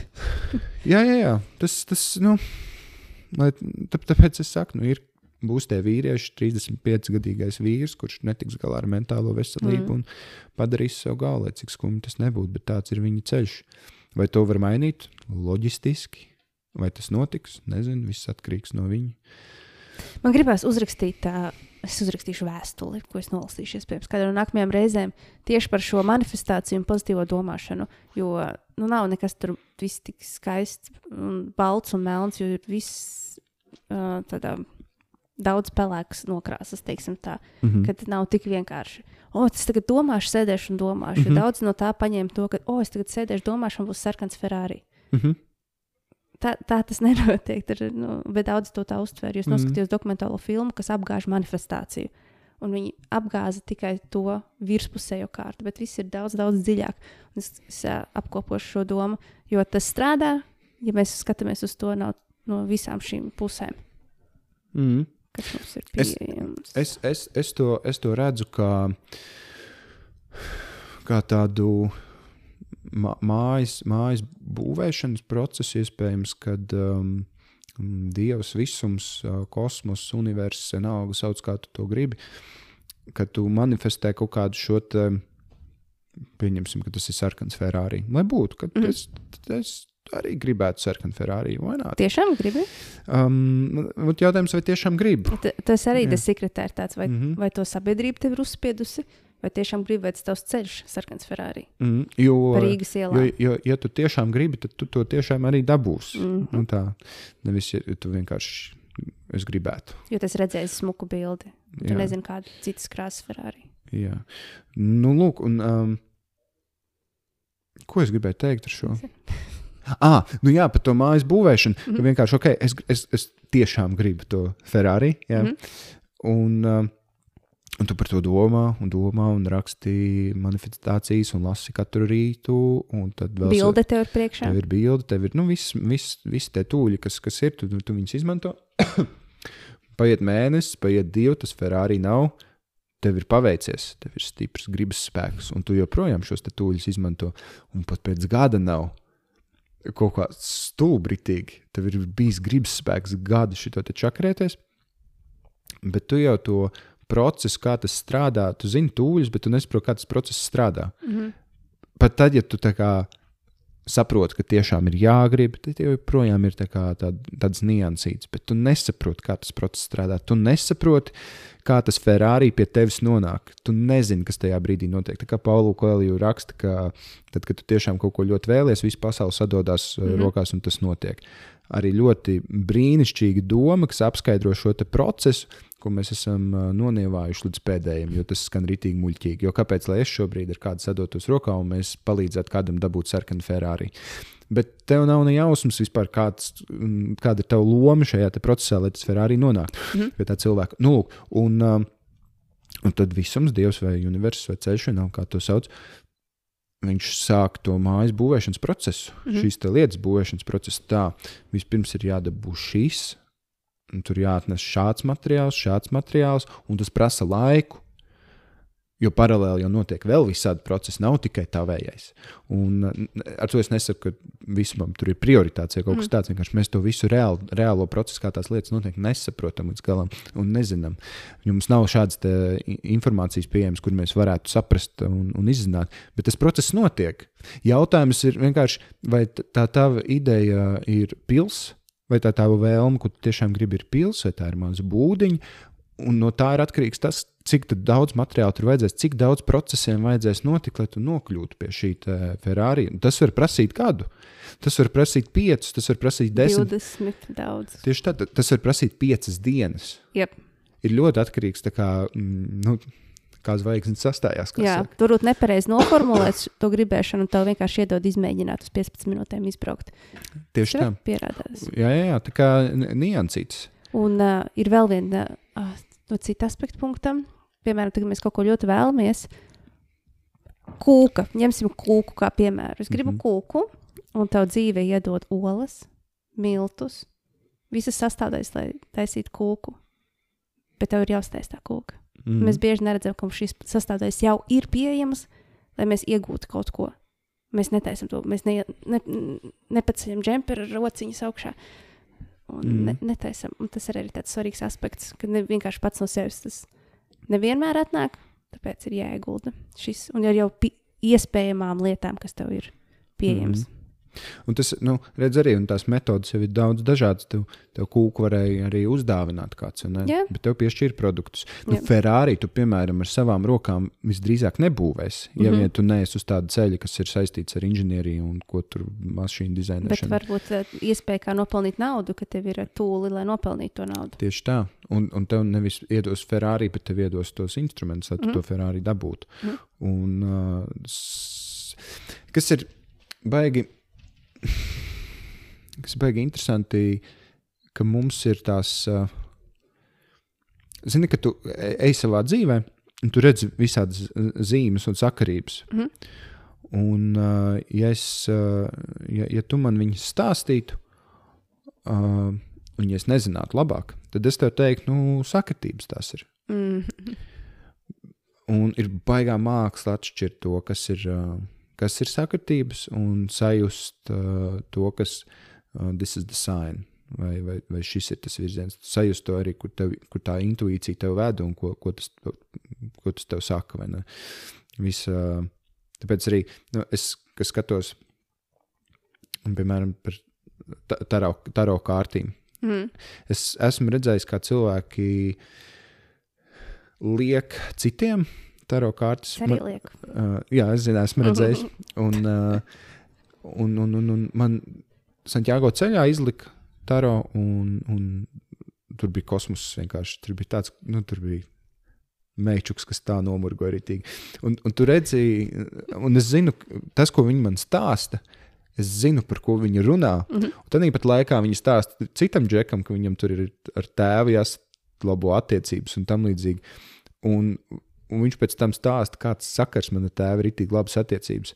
Un tur tā fiška, ka tas meičuks vienkārši nespēja nointerpretēt pareizi to, ko viņi jūt un, un, un saprot. Mm.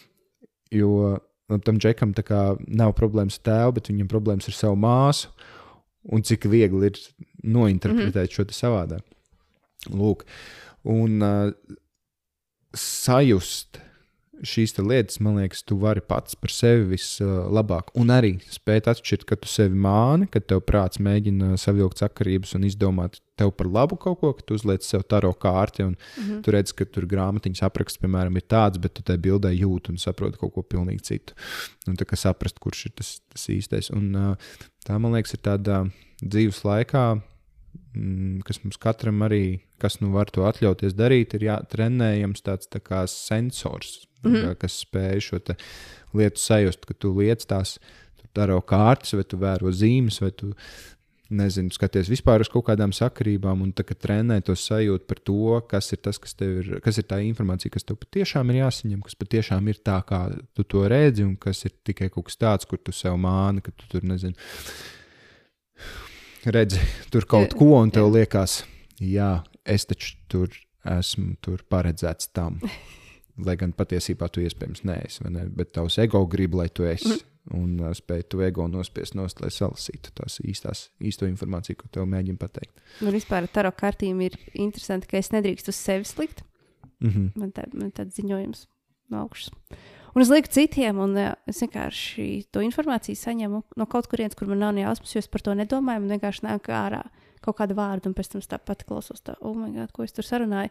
Un uh, tās nav tik specifiskas lietas, kā piemēram tu satiksi to un to ar eh, zaļā krāsā, vai tur kāds krāpj. Es ļoti tādu virspusēju to stāstu, un cilvēks sadzird to, kas viņam ir jāsadzird, to, ko mm. viņš jau zina. Viņš zina šo informāciju, un es tikai no malas apstiprinu to, ko jau zinu. Kad viņam, cilvēkam ir jāuzdod konkrēts jautājums, nevar vienkārši tāpatās, nu, varbūt dažreiz var, bet es gribu, lai uzdod jautājumu, un tad es izlieku, un es interpretēju to kārtu. Tad, visi sēž parasti kā, jā, un tad viņi pārveido to pa savam. Mm -hmm. Tas man patīk tā kārtīs, ka tā nav pareģošana vai burvestība. Tas ir vienkārši mm. papildus instruments no kosmosa, kā sazināties, un tad tu interpretē to, kas jau tevī ir, ko tu jau bezmazliet zini. Mm. Tieši tik vienkārši un sarežģīti vienlaicīgi tas strādā. Vai ne? Ok, mums ir īstenībā jāiet uz beigām. Man īstenībā jāiet uz to lietu. no? Um, Kādu šo te pabeigs. Kā mēs pabeigsim? Man ir nedaudz smadzenes uzsprāgušas. Es tiešām tie zobratiņi ļoti griežās. Un es šovakar rakstīšu apskatu gada un nākamā gada apskatu jau. Un mm -hmm. tad noteikti visas šīs idejas man palīdzēs pārdomāt, ko un kā. Kā paldies tev, man vienmēr ir interesanti ar tevi runāt un klausīties. Un no citas perspektīvas, tās pašas idejas, bet no citas perspektīvas. Ar citiem vārdiem, un tad paliek vēl skaidrāk. Ah, tas ir kā bezgalīgi, bezgalīgi mēs varam uzzināt informāciju. Tā kā paldies tev! Paldies tev! Es arī šodien uh, došos pēc šīs sarunas mājās, un iespējams nesolu, jo nesolu. ne, nevajag solīt. Bet es gribu uzrakstīt, uh, man, es nezinu, vai mēs par šo te runājam, bet man lielā šī gada atziņa ir par uh, dieva darbu un sātana darbu. Un tur nav reliģiski, tur nozīme ir, nezinu, ja, ja grib, tad var, ja negrib, tad nevajag. Uh, bet uh, fakts paliek fakts, ka mēs ir dieva darbi, ko mēs darām gaismas dēļ, un ir sātana darbi, ko mēs uh, jā, darām sātana dēļ. Un, un, un zini, par dieva darbiem bieži nemaksā. Visam jābūt līdzsvarā. Bet maksā par sātana darbiem? Sātanam ir tik daudz naudas. Mm. Jā. Nu, tas ir kā tu vadi savu biznesu. Nu, Dievs ir mazliet um, ar, ar, ar, ar, ar tām finansēm, kas viņam ir, ar to kapitālu. Nu, viņam tā pašvakāk ir. Sātans kaut kā atkal ir izdomājis, kā to naudu sataisīt. Dievs atkal, nu, jo Sātanam ir tādi tūļi, ar kurus mm. attaisīt naudu. Dievam atkal ir jādomā par tām vērtībām, un tā nauda mm. jātaisa tā, lai viņš nepazaudētos tai tumsai. Jo Dievs arī var ieiet tumsā, loģiski. Dievs arī tikai cilvēks.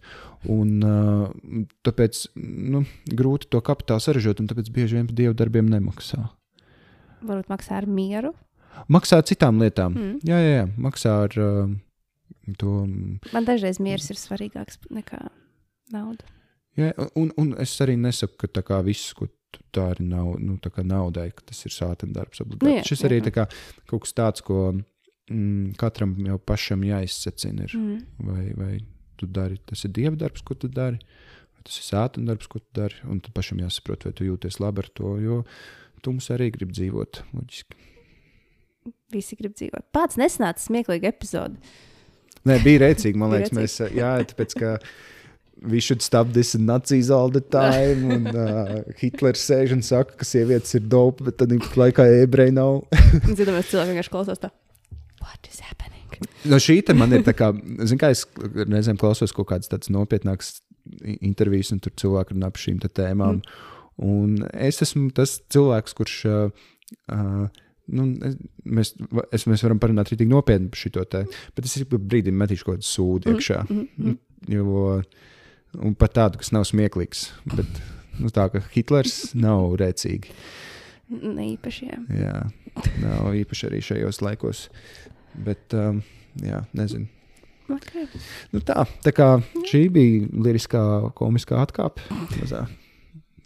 Ok, viss, vis, man vajag izstirties un kustēties un jāprast trenēties. Paldies! Pēdējie trīs vārdi no tevis. Paldies, tev, Ieva! Wow, caf.